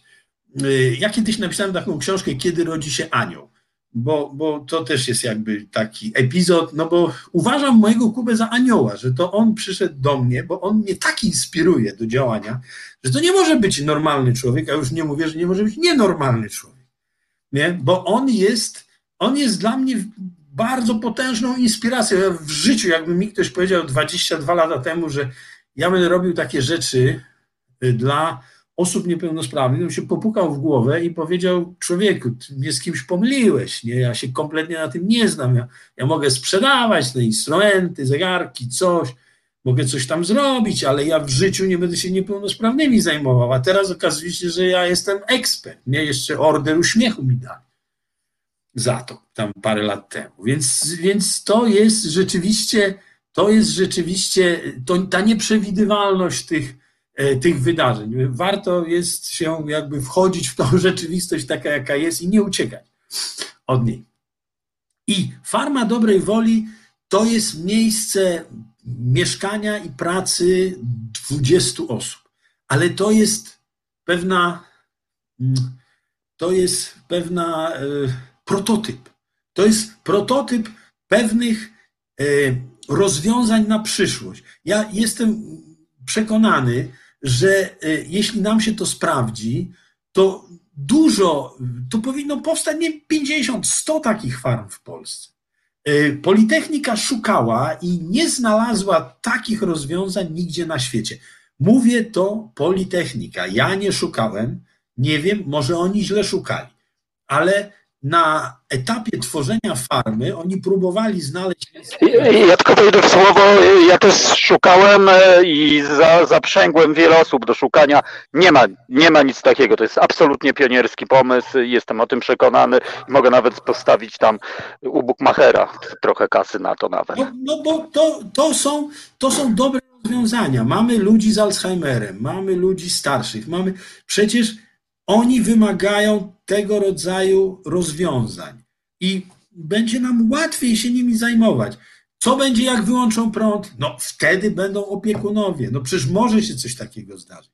Ale zawsze mogą nastąpić jakieś dziejowe burze, może, nie wiem, dojść do trzeciej wojny światowej czy coś i wtedy już to nie będzie miało znaczenia. No, wtedy, no, oby tak się nie starzyło, nie? No bo tu jakby sceptycy zawsze się zastanawiają, a co będzie, jak prąd wyłączą, a coś. No, no jak wyłączą prąd, no chociaż tam mają być takie akumulatory, które będą gromadzić prąd, więc oczywiście jak na stałe nas odetną, tam przez trzy lata nie będzie prądu, no to pewnie nie będzie prądu ale jeśli to wyłączą na dobę, dwa czy trzy, to tam podobno ta energia ma gdzieś być w jakimś ograniczonym zakresie.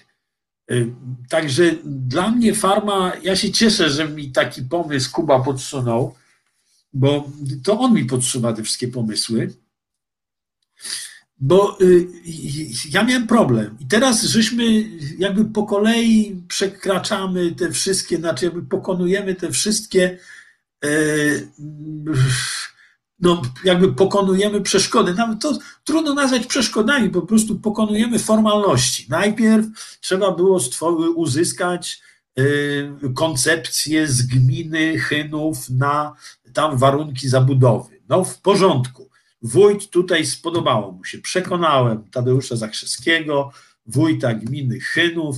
On pięknie nam tu wydał. Później uzgodniliśmy z urbanistami, jak te domy mają wyglądać. Później przeszliśmy przez całe e, procedury uzyskiwania pozwolenia na budowę. I teraz 9 października żeśmy murowali kamień węgielny. Mamy pozwolenie na budowę, mamy projekt i będziemy budować. I teraz znowu będą szły kampanie proszące ludzi o wsparcie, bo ja będę różne, y, ja będę różne, znaczy będę uruchamiał różne źródła finansowania. Rodzice zadeklarowali, że się dołożą finansowo. Ja dałem swoją ziemię. Znajdziemy, na pewno znajdziemy fundusze. Y, poza tym też, no, być może i wierzę w to, bo, bo takie inicjatywy y, ciekawe i takie inicjatywy y, z pomysłem no też się cieszą e, uznaniem u ludzi. No, nie wiem, ludzie, którzy słuchają nas, może zechcą, no jak, ale też to nie jest jakby, ja tu nie występuję po to, żeby e, Państwa namawiać do tego, żebyście wpłacali, żebyście rozważyli taką możliwość. Będą teraz, będziemy prowadzić różnego rodzaju kampanie fundraisingowe, będziemy zbierać. No, mm, firmy, które dysponują technologiami, też, e, też e, nam, e, to też jest taka ciekawa forma współpracy, bo jedna z firm, nie będę mówił która, no bo będzie reklama, ale, a mogę powiedzieć? Tak, jak najbardziej. No, do, dobre firmy nie, no mamy w dobrej firmę, porze jak mamy, najbardziej. Mamy firmę Beckhoff, która się zajmuje nowoczesnymi technologiami, wyposaża linie technologiczne w nowoczesnych fabrykach.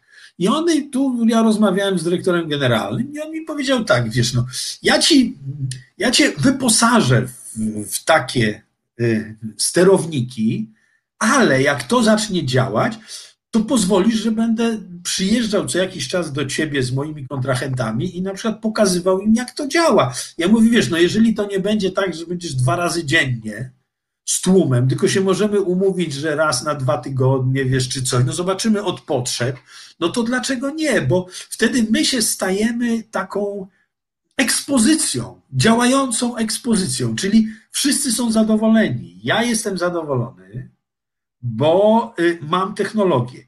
Y, ci twórcy technologii są zadowoleni, bo ona działa w kierunku, w której nikt nie podejrzewał, że, że będzie działała. Bo teraz my już żeśmy przegadali, że to można tak wyposażyć, można tak zaprojektować te sterowniki, że one będą wykonywały te czynności, które są pożądane przy osobach niepełnosprawnych. To nie tylko E, linia technologiczna do produkcji piwa, czy linia technologiczna do produkcji tam nie wiem czego, bo oni też to robią, ale właśnie jak się odpowiednio coś zaprojektuje, zaprogramuje, to będzie wykonywało to, co tam w tym programie będzie.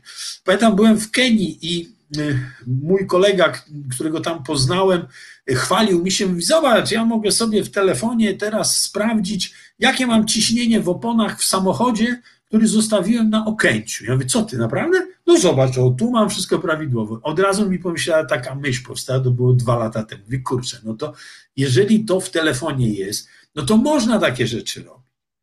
I teraz nie mamy, nie mamy jeszcze takiego kompletnego know-how.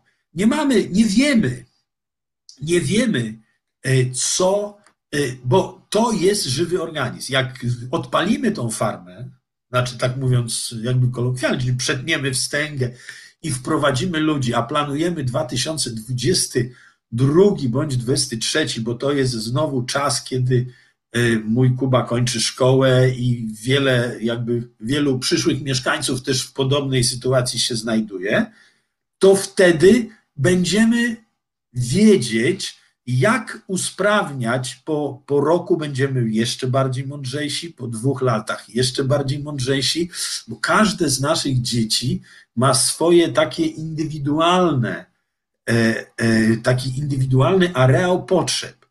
I w przypadku osób sprawnych łatwo jest wprowadzić pewne normy i rygory. Że nie wolno tego robić. Po 18 cisza. Natomiast w przypadku niepełnosprawnych, no jak on wstanie, czy tam po 22, jak on wstanie o tej 23 i zacznie coś tam gmerać, to on nawet nie ma świadomości, że on nie może tego robić, ale natychmiast będzie sygnał, że on coś takiego robi i wtedy się będzie można nim zainteresować. Często jest tak, że osoby y, z tymi neurologicznymi schorzeniami miewają nocne napady padaczkowe. I teraz odpowiednio ustawione parametry mogą nas informować bezpośrednio po napadzie padaczkowym albo kiedy on się zacznie, żebyśmy mogli tam do niego od razu pójść i, y, nie wiem, dać mu oksazepan, wlewkę zrobić czy coś, żebyśmy. Ja nie wiem, czy ja to właściwie, jak nas słuchają służby medyczne, to ja przepraszam za moją ignorancję, ale też no, moja, moje doświadczenie z Kubą Y, są takie, że, że po prostu no, próbujemy coś takiego zrobić. I tam się mogą różne rzeczy zadziać. Może być, nie wiem, może jakiś dym, zadymienie się wydarzyć, coś. To te sygnały muszą pójść do opiekunów. I teraz jest drogą rzeczą wsadzać przy każdym niepełnosprawnym opiekuna, żeby on go tam pilnował i tak dalej. Dru z drugiej strony nie powinno się robić tak, jak się to często dzieje, że się ich po prostu trochę lekceważy i tam nikt nie chodzi, nie, nie ogląda, rano się tam idzie, patrzy, dlaczego nie wstał. Nie, bo to też słyszę od rodziców dzieci, którzy już nie są w stanie się nimi zajmować i oni oddali ich, je, te dzieci do jakichś ośrodków opiekuńczych, że też się takie rzeczy dzieją, że nie ma tej takiej y, należytej znaczy nie chcę mówić, dobra, jest wszystko ok, ale no, no, że i wtedy my będziemy, chcemy to usprawnić. Tam z pomysłów na aktywność, bo teraz życie to jedno, znaczy mieszkanie, życie, czekanie na ten ostateczny moment to jedno, ale właśnie ta praca, ta, żeby oni byli szczęśliwi, żeby oni byli e, sprawcami czegoś. Czyli y, na przykład jest pomysł studentów, studentek Wistuli Wydziału Architektury, żeby tam z, uruchomić hotel dla psów. Prowadzony przez osoby niepełnosprawne, oczywiście pod kontrolą trenerów i, i tak dalej. Podobno, podobno nie ma tak dużo takich dobrych miejsc, gdzie ludzie chcieliby oddawać swoje pupile, kiedy wylatują za granicę, idą do szpitala, czy mają jakąś inną potrzebę. To może tam działać i te dzieciaki się cudownie zajmują psami. Znaczy w ogóle ze zwierzętami mają bardzo dobry kontakt. Mój Kuba ma świetny kontakt i inne. I mało tego, te zwierzęta, one jakby wyczuwają tą bezradność tych dzieci i one im krzywdy nie robią. Ja nie wiem, ja nie spotkałem się, no chyba, że to jakaś tam rzeczywiście już była wyjątkowa sytuacja, żeby no, doszło do jakiegoś takiego, no jeździmy z tymi dziećmi w różne miejsca, do koni, do psów, do, do innych. E, nie zdarzyło mi się, żeby była jakaś agresywne zachowanie e, zwierząt w stosunku do, do tych dzieci, ale ja tu też oczywiście to będzie wszystko pod kontrolą, to będzie wszystko E, w odpowiednim, no ja się nie znam na, na hotelu dla zwierząt. Myślę, że jeżeli on będzie powstawał, to będziemy mieć również w swych szeregach osoby, które będą się na tym znały i nam podpowiedzą. Pomysłów mamy wiele, bo tak jak mówię, palarnia kawy, y, właśnie to schronisko dla psów, możemy robić dżemy, możemy y, wytwarzać y, nie wiem, sery, no, tam jest sezon truskawkowy, tam jest rejon truskawkowy. Bardzo dobrym pomysłem są dżemy truskawkowe. Możemy sok truskawkowy robić. Tam y, niedaleko działają też, jest browar, jeden, drugi. Może jakieś coś dla tego browaru byśmy robili. No niekoniecznie piwo rzemieślnicze by robili, ale dlaczego nie? No przecież oni i tak tego nie będą pili. A jak będą szczęśliwi, to są zapachy, nie? bo piwo to ma określony zapach. Znaczy, jak się wchodzi do browaru, to tam jest taki. Byliśmy w browarze. U mojego przyjaciela, właściciela browaru, byliśmy w browarze pod Warszawą, w Jabłonowie i powiem, że dzieciaki świetnie reagowały właśnie na zapach, na ten dźwięk butelek, bo to jest dla nich bodziec. I teraz oczywiście no, niektórym z ludzi może się skojarzyć, że to alkohol, tu niepełnosprawni i tak dalej. Ale jak się czyni człowieka szczęśliwym, to naprawdę ten cel uświęca środki. No, nie będziemy na pewno robić rzeczy nielegalnych. No to, to, to y, absolutnie nie wchodzi w grę. Natomiast jeżeli, y, jeżeli wyjdziemy z jakąś aktywnością, z jakimś pomysłem, E, inspiracją dla mnie też jest siostra Chmielewska, Gosia, z którą się przyjaźnimy. No, to, jest, to jest też dla mnie jakby wielka, e, jakby wielka osoba, wielka inspiracja. Ona też jest mamą Artura, którego przysposobiła, to nie jest jego biologiczna mama, ale wzięła na siebie jakby tą, to, to odium opieki nad niepełnosprawnym e, człowiekiem. My się znamy, przyjaźnimy. No, ja ją bardzo lubię. Mam nadzieję, że Gosia też mnie trochę lubi, bo tam ilekroć jesteśmy, to, to jesteśmy przez nią podejmowani. E, spędziłem tam kilka ładnych dni, kiedy byłem po chemioterapii i kiedy wyszedłem po autoprzeszczepie i naprawdę ona się mną opiekowała, więc też się tam zajęła mną. I też dla mnie ona się znowu zajmuje osobami takimi wykluczonymi, tymi, co sobie nie potrafili poradzić w życiu, pomimo normy, w jakiej przyszli na świat. Ale coś tam musiało być niehalo pod tym sufitem. I w związku z tym, w związku z tym to też jest, to są bliskie środowiska. Ja pamiętam, jak byliśmy na zimowisku właśnie u Małgosi i ci ludzie z tego marginesu, oni mi pomagali przy niepełnosprawnych. I oni świetnie sobie, oni się odnaleźli, że o, my nie jesteśmy tacy, my, my mamy w sobie trochę dobra, nie? bo my potrafimy coś zrobić. Ja jeszcze powiem, bo już może niewiele czasu jest, ja kiedyś zabrałem dzieciaki upośledzone umysłowo do więzienia. Do więzienia o zaostrzonym rygorze w Hajnówce, to było, była zima taka minus 30 stopni y, i ja nie miałem pomysłu na aktywność. No ile można łazić z tymi dziećmi po lesie, to jeszcze się pomnażają. Więc zapytałem tam miejscowych ludzi, gdzie tu jakaś instytucja jest. Po ciach, więzienie jest. Zadzwoniłem do dyrektora więzienia i mówię, wie pan, ja mam tutaj takie dzieci. On mówi, dobra, niech pan przyjeżdża, ja byłem gdzieś tam w Ameryce, widziałem, że to jest świetna resocjalizacja. Do autokaru, tutaj wójt y, tam pobliskiego miasta Ciechanowca, y, burmistrz, dał nam autokar, pojechaliśmy do Hajnówki, dzieciaki moje zadowolone, do ciupy jedziemy, tu, coś, no te co mówią. Że spotkaliśmy się z osadzonymi o najwyższych wyrokach, takich 25 lat, czyli to jest najwyższy wyrok. I powiem, że to są znaczy, te relacje, które się tam zawiązały, one spowodowały, że ci wszyscy, bo moje dzieci nie mają żadnych oporów, oni nie wiedzieli, gdzie jadą. Im się podobało, że krata, że szczęka, że coś, że do ciupy, ale oni nie do końca rozumieli, co to jest ta ciupa.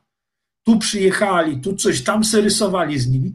Ci wszyscy goście, którzy tam, bo to był męski oddział, ja nie wiedziałem, że to są ci z najwyższymi wyrokami, ale oni się wszyscy poryczeli oni mieli jakiś katarzis i później rzeczywiście więziennictwo, znaczy w, gdzieś przeczytałem w gazecie, że po tej naszej wizycie nastąpił taki program katarzis został włączony. I kiedyś, pamiętam, zadzwonił do mnie ktoś, gdzieś tam z odległego miasta, nie wiem, pod Szczecinem czy gdzieś, i mówi, czy by pan był w stanie przyjechać do nas z tymi dziećmi, bo my mamy tu do więzienia, chcielibyśmy. Ja mówię, proszę państwa, ja nie będę z Warszawy jechał z dziećmi niepełnosprawnymi. Weźcie tam macie jakąś szkołę specjalną czy coś. Przecież oni są pod ręką. No to ja będę teraz gonił 400 kilometrów, żeby się spotkać z osadzonymi. Zróbcie to, a to może podziałać. I podobno są. Ja mam też y, w szeregach wolontariuszy chłopaków, którzy y, trochę nabroili w życiu. To są młodzi chłopacy, nieletni, i oni przy, przychodzą do mnie, przyjeżdżają do mnie i oni mi pomagają. To znaczy noszą ławki, coś, coś. Oni też łapią taką, tak twierdzą ich wychowawcy, że oni łapią taką refleksję, że a co by było, gdybym ja się taki urodził? Nie? Ja mam dwie ręce, dwie nogi, ja jestem sprawny, może warto, żebym ja zamiast będę tutaj coś tam złego robił i będę siedział w pierdlu, to może jednak ja skorzystam z tego dobra, które dostałem. I ja też w ten sposób z nimi gadam. I powiem, że ja już od lat y, współpracuję z tym młodzieżowym ośrodkiem wychowawczym. Później żeśmy y, zaczęli współpracę z schroniskiem młodzieżowym, czyli to jest taka wyższa forma, y, taki bardziej jakby więzieniowate to jest, bo ten młodzieżowy ośrodek wychowawczy to jest y, taka lżejsza forma osadzenia. Oni mogą wychodzić, tam jeżdżą na weekendy do domów, a tu już ten to jest taki dawny poprawczak. Ale niestety przeniesiono go gdzieś w inne miejsce, to było na Okęciu i, i tutaj ta nasza współpraca się rozmyła. Ale no, powiem, że właśnie warto, warto takie rzeczy robić. Ja też myślę, że jak ta farma powstanie i ona będzie funkcjonować, to też będziemy pewnie korzystać y, z tych środowisk, bo y, to są ludzie, którzy łatwo, każdy jest dobry.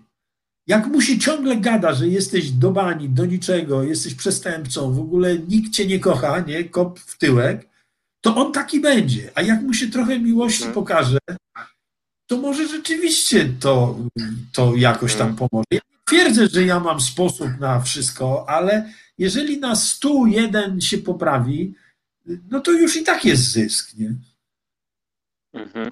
Ja, ja sobie pozwolę wejść w słowo, panie Jacku, bo tak jak mówię, no, z ogromnym przejęciem tego słucham, ale rzeczywiście też mi się zdarzyło współpracować z dzieciarnią właśnie w takim szkolnym ośrodku wychowawczym, takim mikrowięzieniu. E, I ja sobie też tak myślę po tych spotkaniach z tymi dziećmi w kontekście tego, co pan powiedział, że, że oni w gruncie rzeczy poznali zło, ale być może gdyby tego zła nie poznali, to nie odkryliby dobra, no nie wiedzieliby, czym jest dobro. No i po prostu przez takie działania, jak pan robi, no to, to, to, to można ten świat po prostu, ja wiem, że to zabrzmi idiotycznie, ale po prostu można go zmieniać, można go naprawiać. E, I to jest no, ogromny szacunek dla tego, co pan robi, ale, ale z racji tej, że czas nas goni. Panie Jacku, e, czy, czy wy planujecie taką jakby franczyzę tego pomysłu? Bo, bo gdybym był premierem naszego kraju, to po rozmowie takiej, gdybym usłyszał, to ja bym po prostu przeznaczył, nie wiem, ciężki hajs, y, bo to powinna być wizytówka. Wizytówka naszego kraju po prostu, że w Polsce taki projekt dzięki takim ludziom jak pan się pojawił, ale rozumiem, że pewnie premier jeszcze nie dzwonił, y, ale, ale gdyby ktoś chciał, nie wiem, gdzieś w innej części Polski skorzystać z, tej, z tego pięknego pomysłu, jak, jak wy się na to zapatrujecie? Czy to będzie taka forma rozwojowa? No bo myślę, że tak, rodzice po prostu czekają Absolutnie. na to. Absolutnie tak. Ja tego nie zabiorę ze sobą. No, mówię, jest, y, wiem, że teraz niedawno usłyszałem, że w Holandii człowiek y, wybudował, stworzył takie miasto dla y, ludzi z Alzheimerem, taką jakby mikrodzielnicę. I on z tego robi jakby, bo no tam jest wszystko. Ci ludzie z Alzheimerem mieszkają, tam jest fryzjer, tam jest lekarz, tam jest po prostu taka mikrodzielnica, w której ci ludzie sobie mieszkają. I nie widzę problemu, żeby takie farmy, które będą pewną, y, które będą formą takiej koegzystencji obywatelskiej, bo my nie chcemy się oddzielać od ludzi mieszkających tam, od y, tych y, autochtonów, którzy tam mieszkają, my chcemy z nimi współpracować i kooperować, żeby oni znali nas, a my ich, bo my możemy im robić prania. I teraz taka, e, taka formuła może się sprawdzić wszędzie. Bo wszędzie są osoby niepełnosprawne. Wszędzie są osoby niepełnosprawne. I e, to jest akurat statystycznie nie omija żadnego środowiska. Niezależnie, czy jest się biznesmenem, czy jest się y, skazanym za ciężkie przestępstwo, to może nam się urodzić dziecko niepełnosprawne. I y, to najlepszą formą jest właśnie pokazywanie, no to jest jakby takie studium przypadków, znaczy to jest, y, no to tak, ja absolutnie tak, jeżeli my to przećwiczymy, to z największą przyjemnością będę się również dzielił moimi doświadczeniami z innymi i również czerpał z ich doświadczeń, bo każdy będzie miał inne, każdy swoje. No tak jak, tak jak w tej chwili to się dzieje, kiedy jeździmy w różne części Polski z grupą dzieci na zimowisko i jakby spotykamy się z różnymi środowiskami. Ale tak, tak, mhm. są, to są takie okay. dobre praktyki. Nie, nie bronię tego. No, no, przyznam się, że nie spodziewałem się innej odpowiedzi, ale panie Jacku, jeszcze jeden taki dosyć istotny, pewnie krótki, mamy nie za dużo czasu, ale mamy sytuację covidową, prawda, e, w Polsce. E, abstrahując od tego, że no, wygląda na to, że ogólnie nie ma za bardzo takiego systemowego pomysłu, e, no to w ogóle ta sytuacja covidowa też u, u, pokazuje, że w ogóle nie ma właśnie pomysłu na jakieś systemowe działanie z, z ludźmi głęboko upośledzonymi. No. Co pan sądzi o tym? Tu chciałem powiedzieć o rzeczywiście o takiej, yy, znaczy, może to ktoś se tego nie przemyślał, ale yy, był taki czas, był taki moment, ja jestem daleki od takiego krytykowania, ale ktoś mi powiedział, gdzieś przeczytałem, że, u, yy, że była taka sytuacja, gdzie odmówiono osobie głęboko, czy osobom głęboko upośledzonym, odmawiano respiratorów czy udzielenia opieki medycznej, ponieważ im się nie opłaca. Taka plotka, ja nie, ja nie wiem, to do mnie dotarło. Rodzice przerażeni dzwonili do mnie, mówili, czy ty słyszałeś? Podobno w Stanach Zjednoczonych, gdzieś w stanie Alabama, no ale teraz już mamy innego prezydenta, miejmy nadzieję, że będzie inaczej. E, co, e, co rzeczywiście było, e, to się w którymś momencie dało usłyszeć taką sytuację. Proszę mi wierzyć, to środowisko nasze po prostu przygniotło, bo po pierwsze pozamykano wszystkie szkoły specjalne i dzieci musiały siedzieć z rodzicami 24 godziny na dobę. Nie było tej polityki wytchnieniowej u tych E, dzieci, które zazwyczaj przebywały w szkole. Więc myśmy troszkę organizowali taką na własną rękę pomoc. Ja zapraszałem rodziców z dziećmi, żeby tam po farmie pochodzili. Czyli to 30 kilometrów od Warszawy, oni przyjeżdżali, wyciągali ich z domu, door to door, nie? czyli z domu do samochodu, przyjechali na farmę, wieś, teren prywatny, parę hektarów, nikt się nie mógł do tego dopieprzyć. I te dzieciaki nam sobie dwie, trzy godziny połaziły, zapaliliśmy ognisko i do widzenia. Było to dobre. Ale przy tej całej sytuacji covidowej, te właśnie inteligentne technologie, one mogą nas wspierać. One mogą w pewnym sensie nas też informować o y, albo przeciwdziałać tym, tym zakażeniom. Ja, ja nie chcę mówić, ale no, to też są pewne formy e, właśnie monitorowania czystości powietrza, czystości pokarmów, inne.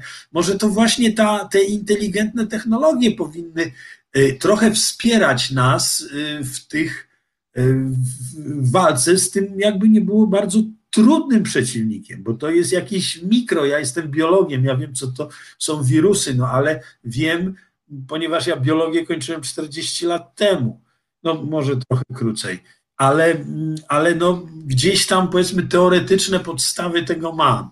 E, I myślę, że właśnie tego typu ośrodki, one mogą być paradoksalnie bezpieczniejsze od takiego, e, no wiem, że w którymś momencie to było tak, że e, te wszystkie ogniska były w domach pomocy społecznej, że było coś takiego, że w tych domach pomocy społecznej to się zaczynało, bo ludzie nie potrafią przestrzegać zasad.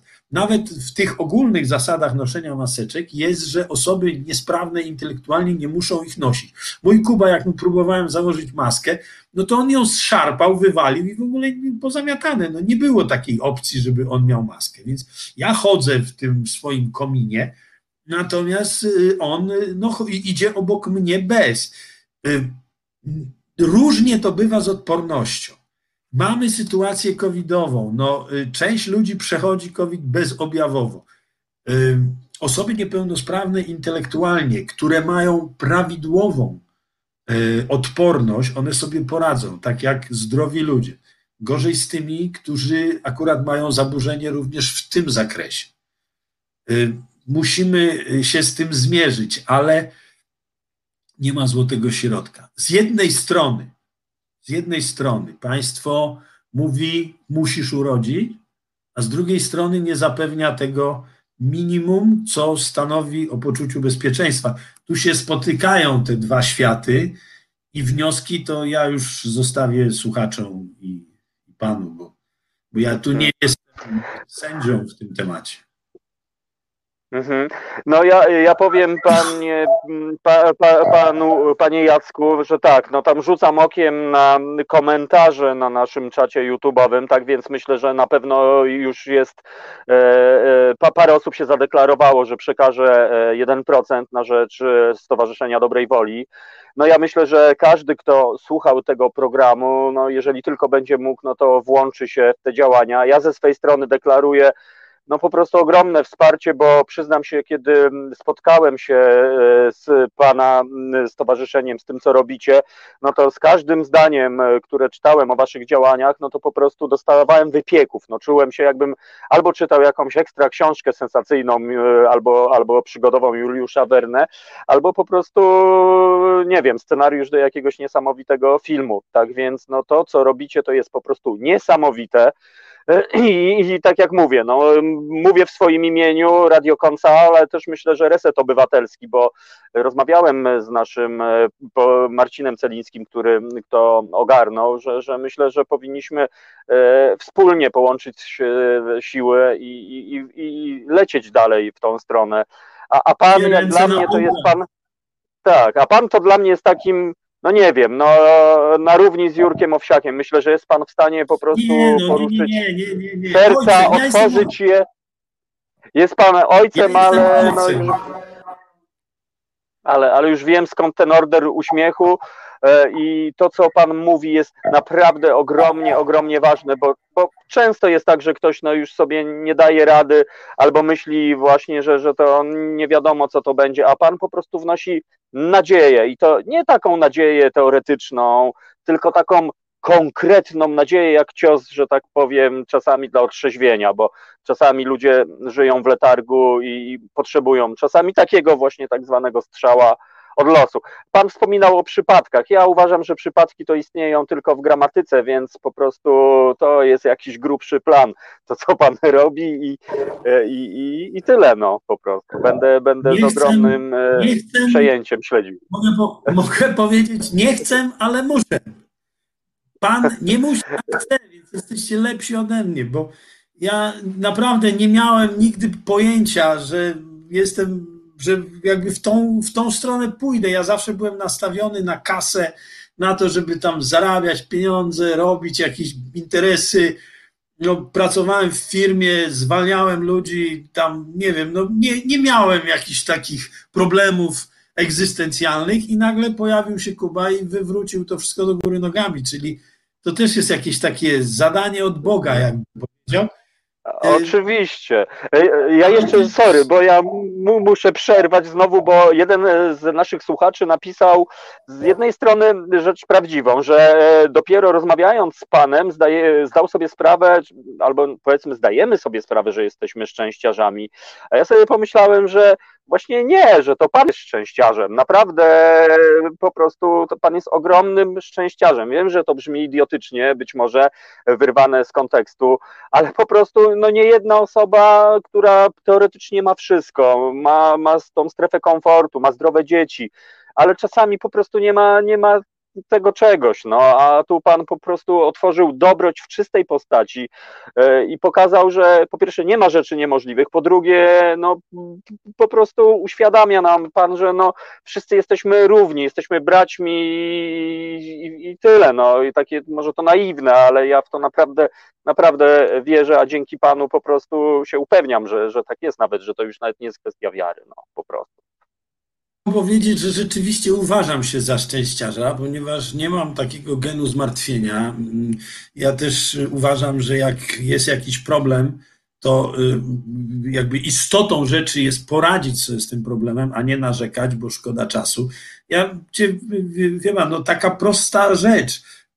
Urodził się Kuba i teraz jak ja bym był nieszczęśliwym człowiekiem, to on by miał nieszczęśliwego ojca, no to byłby w jeszcze gorszej sytuacji. To ja ze względu na niego muszę być szczęśliwym ojcem i wtedy on jest też zadowolony. On się uśmiecha, on nie ma problemów. No, on, on tak samo, ja o to dbam i on jest szczęśliwy, a naj...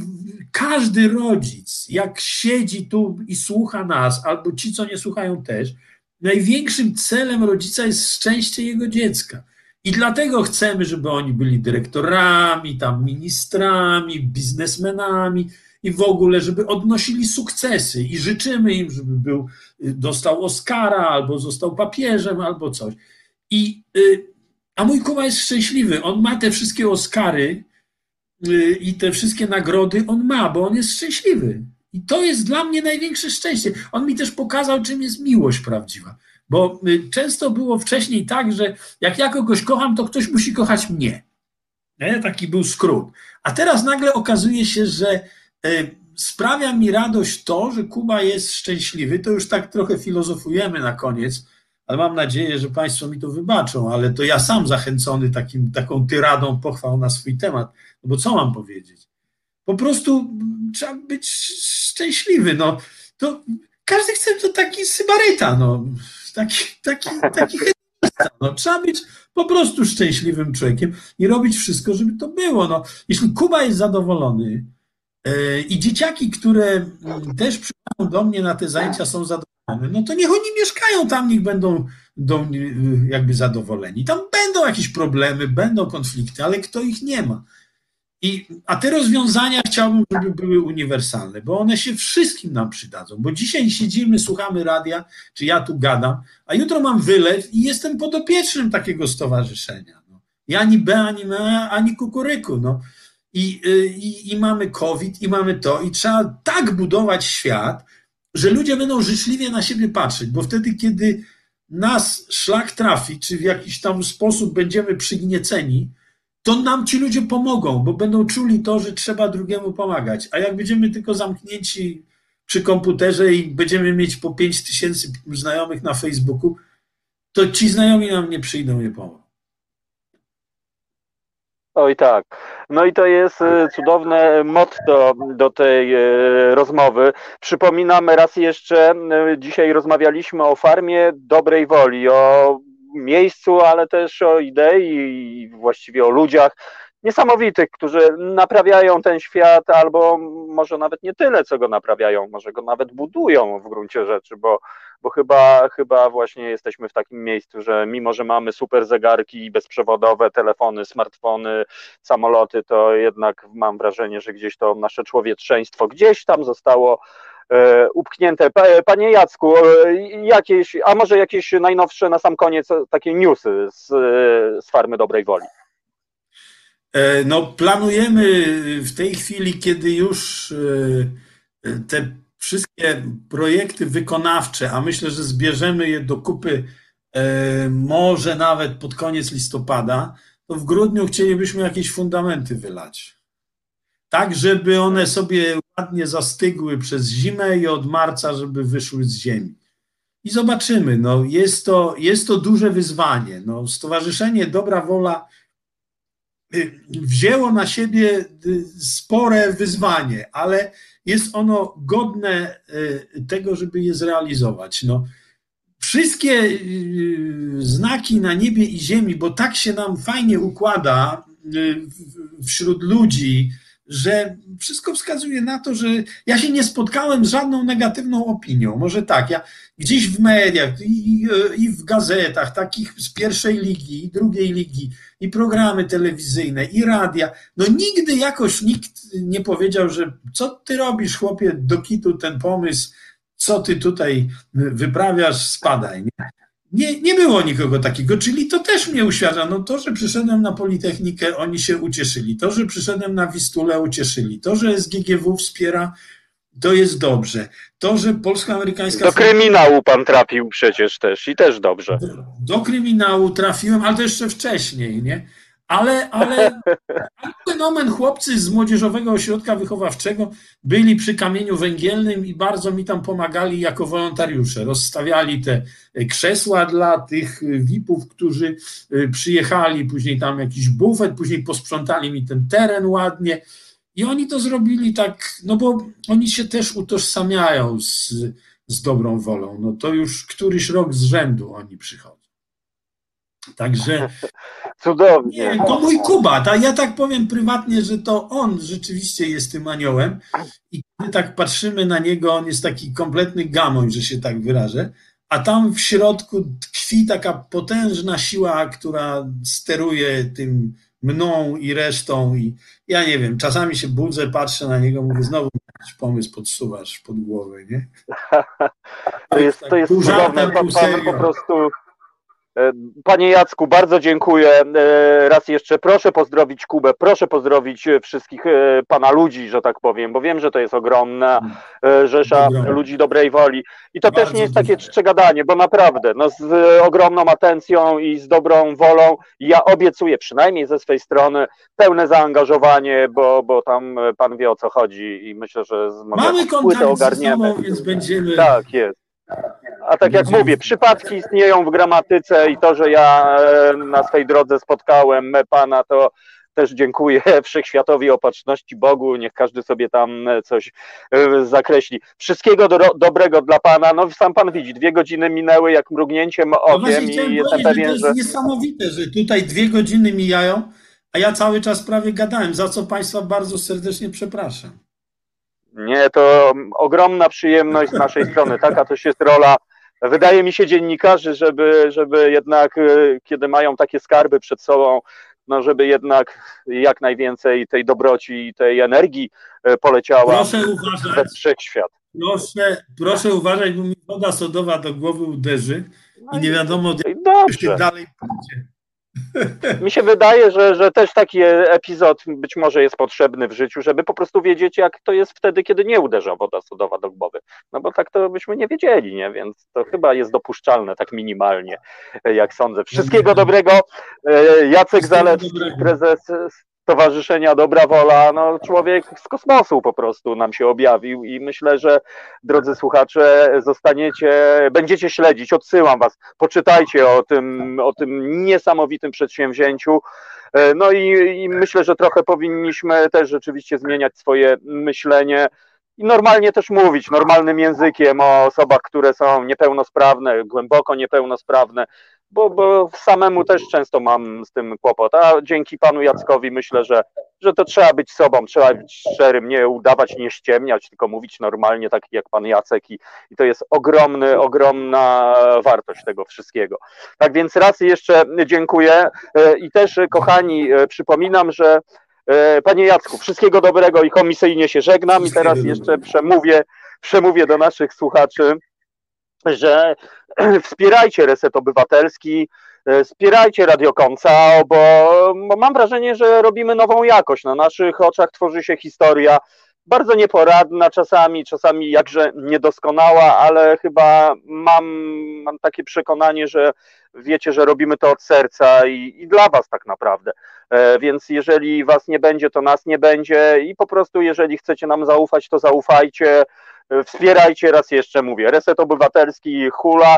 E, Dzisiaj jest poniedziałek, w związku z tym za minutę Tomek Piątek na naszej antenie.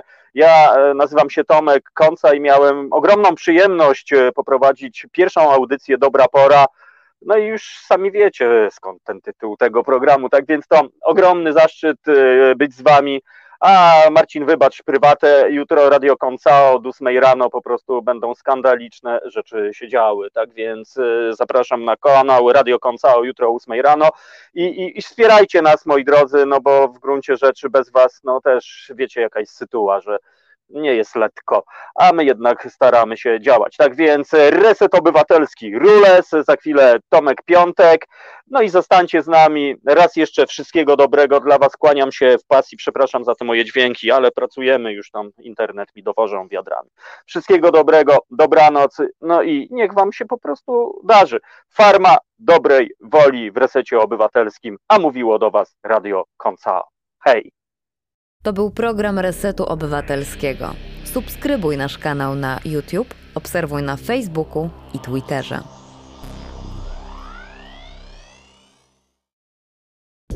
Reset Obywatelski działa dzięki Twojemu wsparciu. Znajdź nas na zrzutka.pl.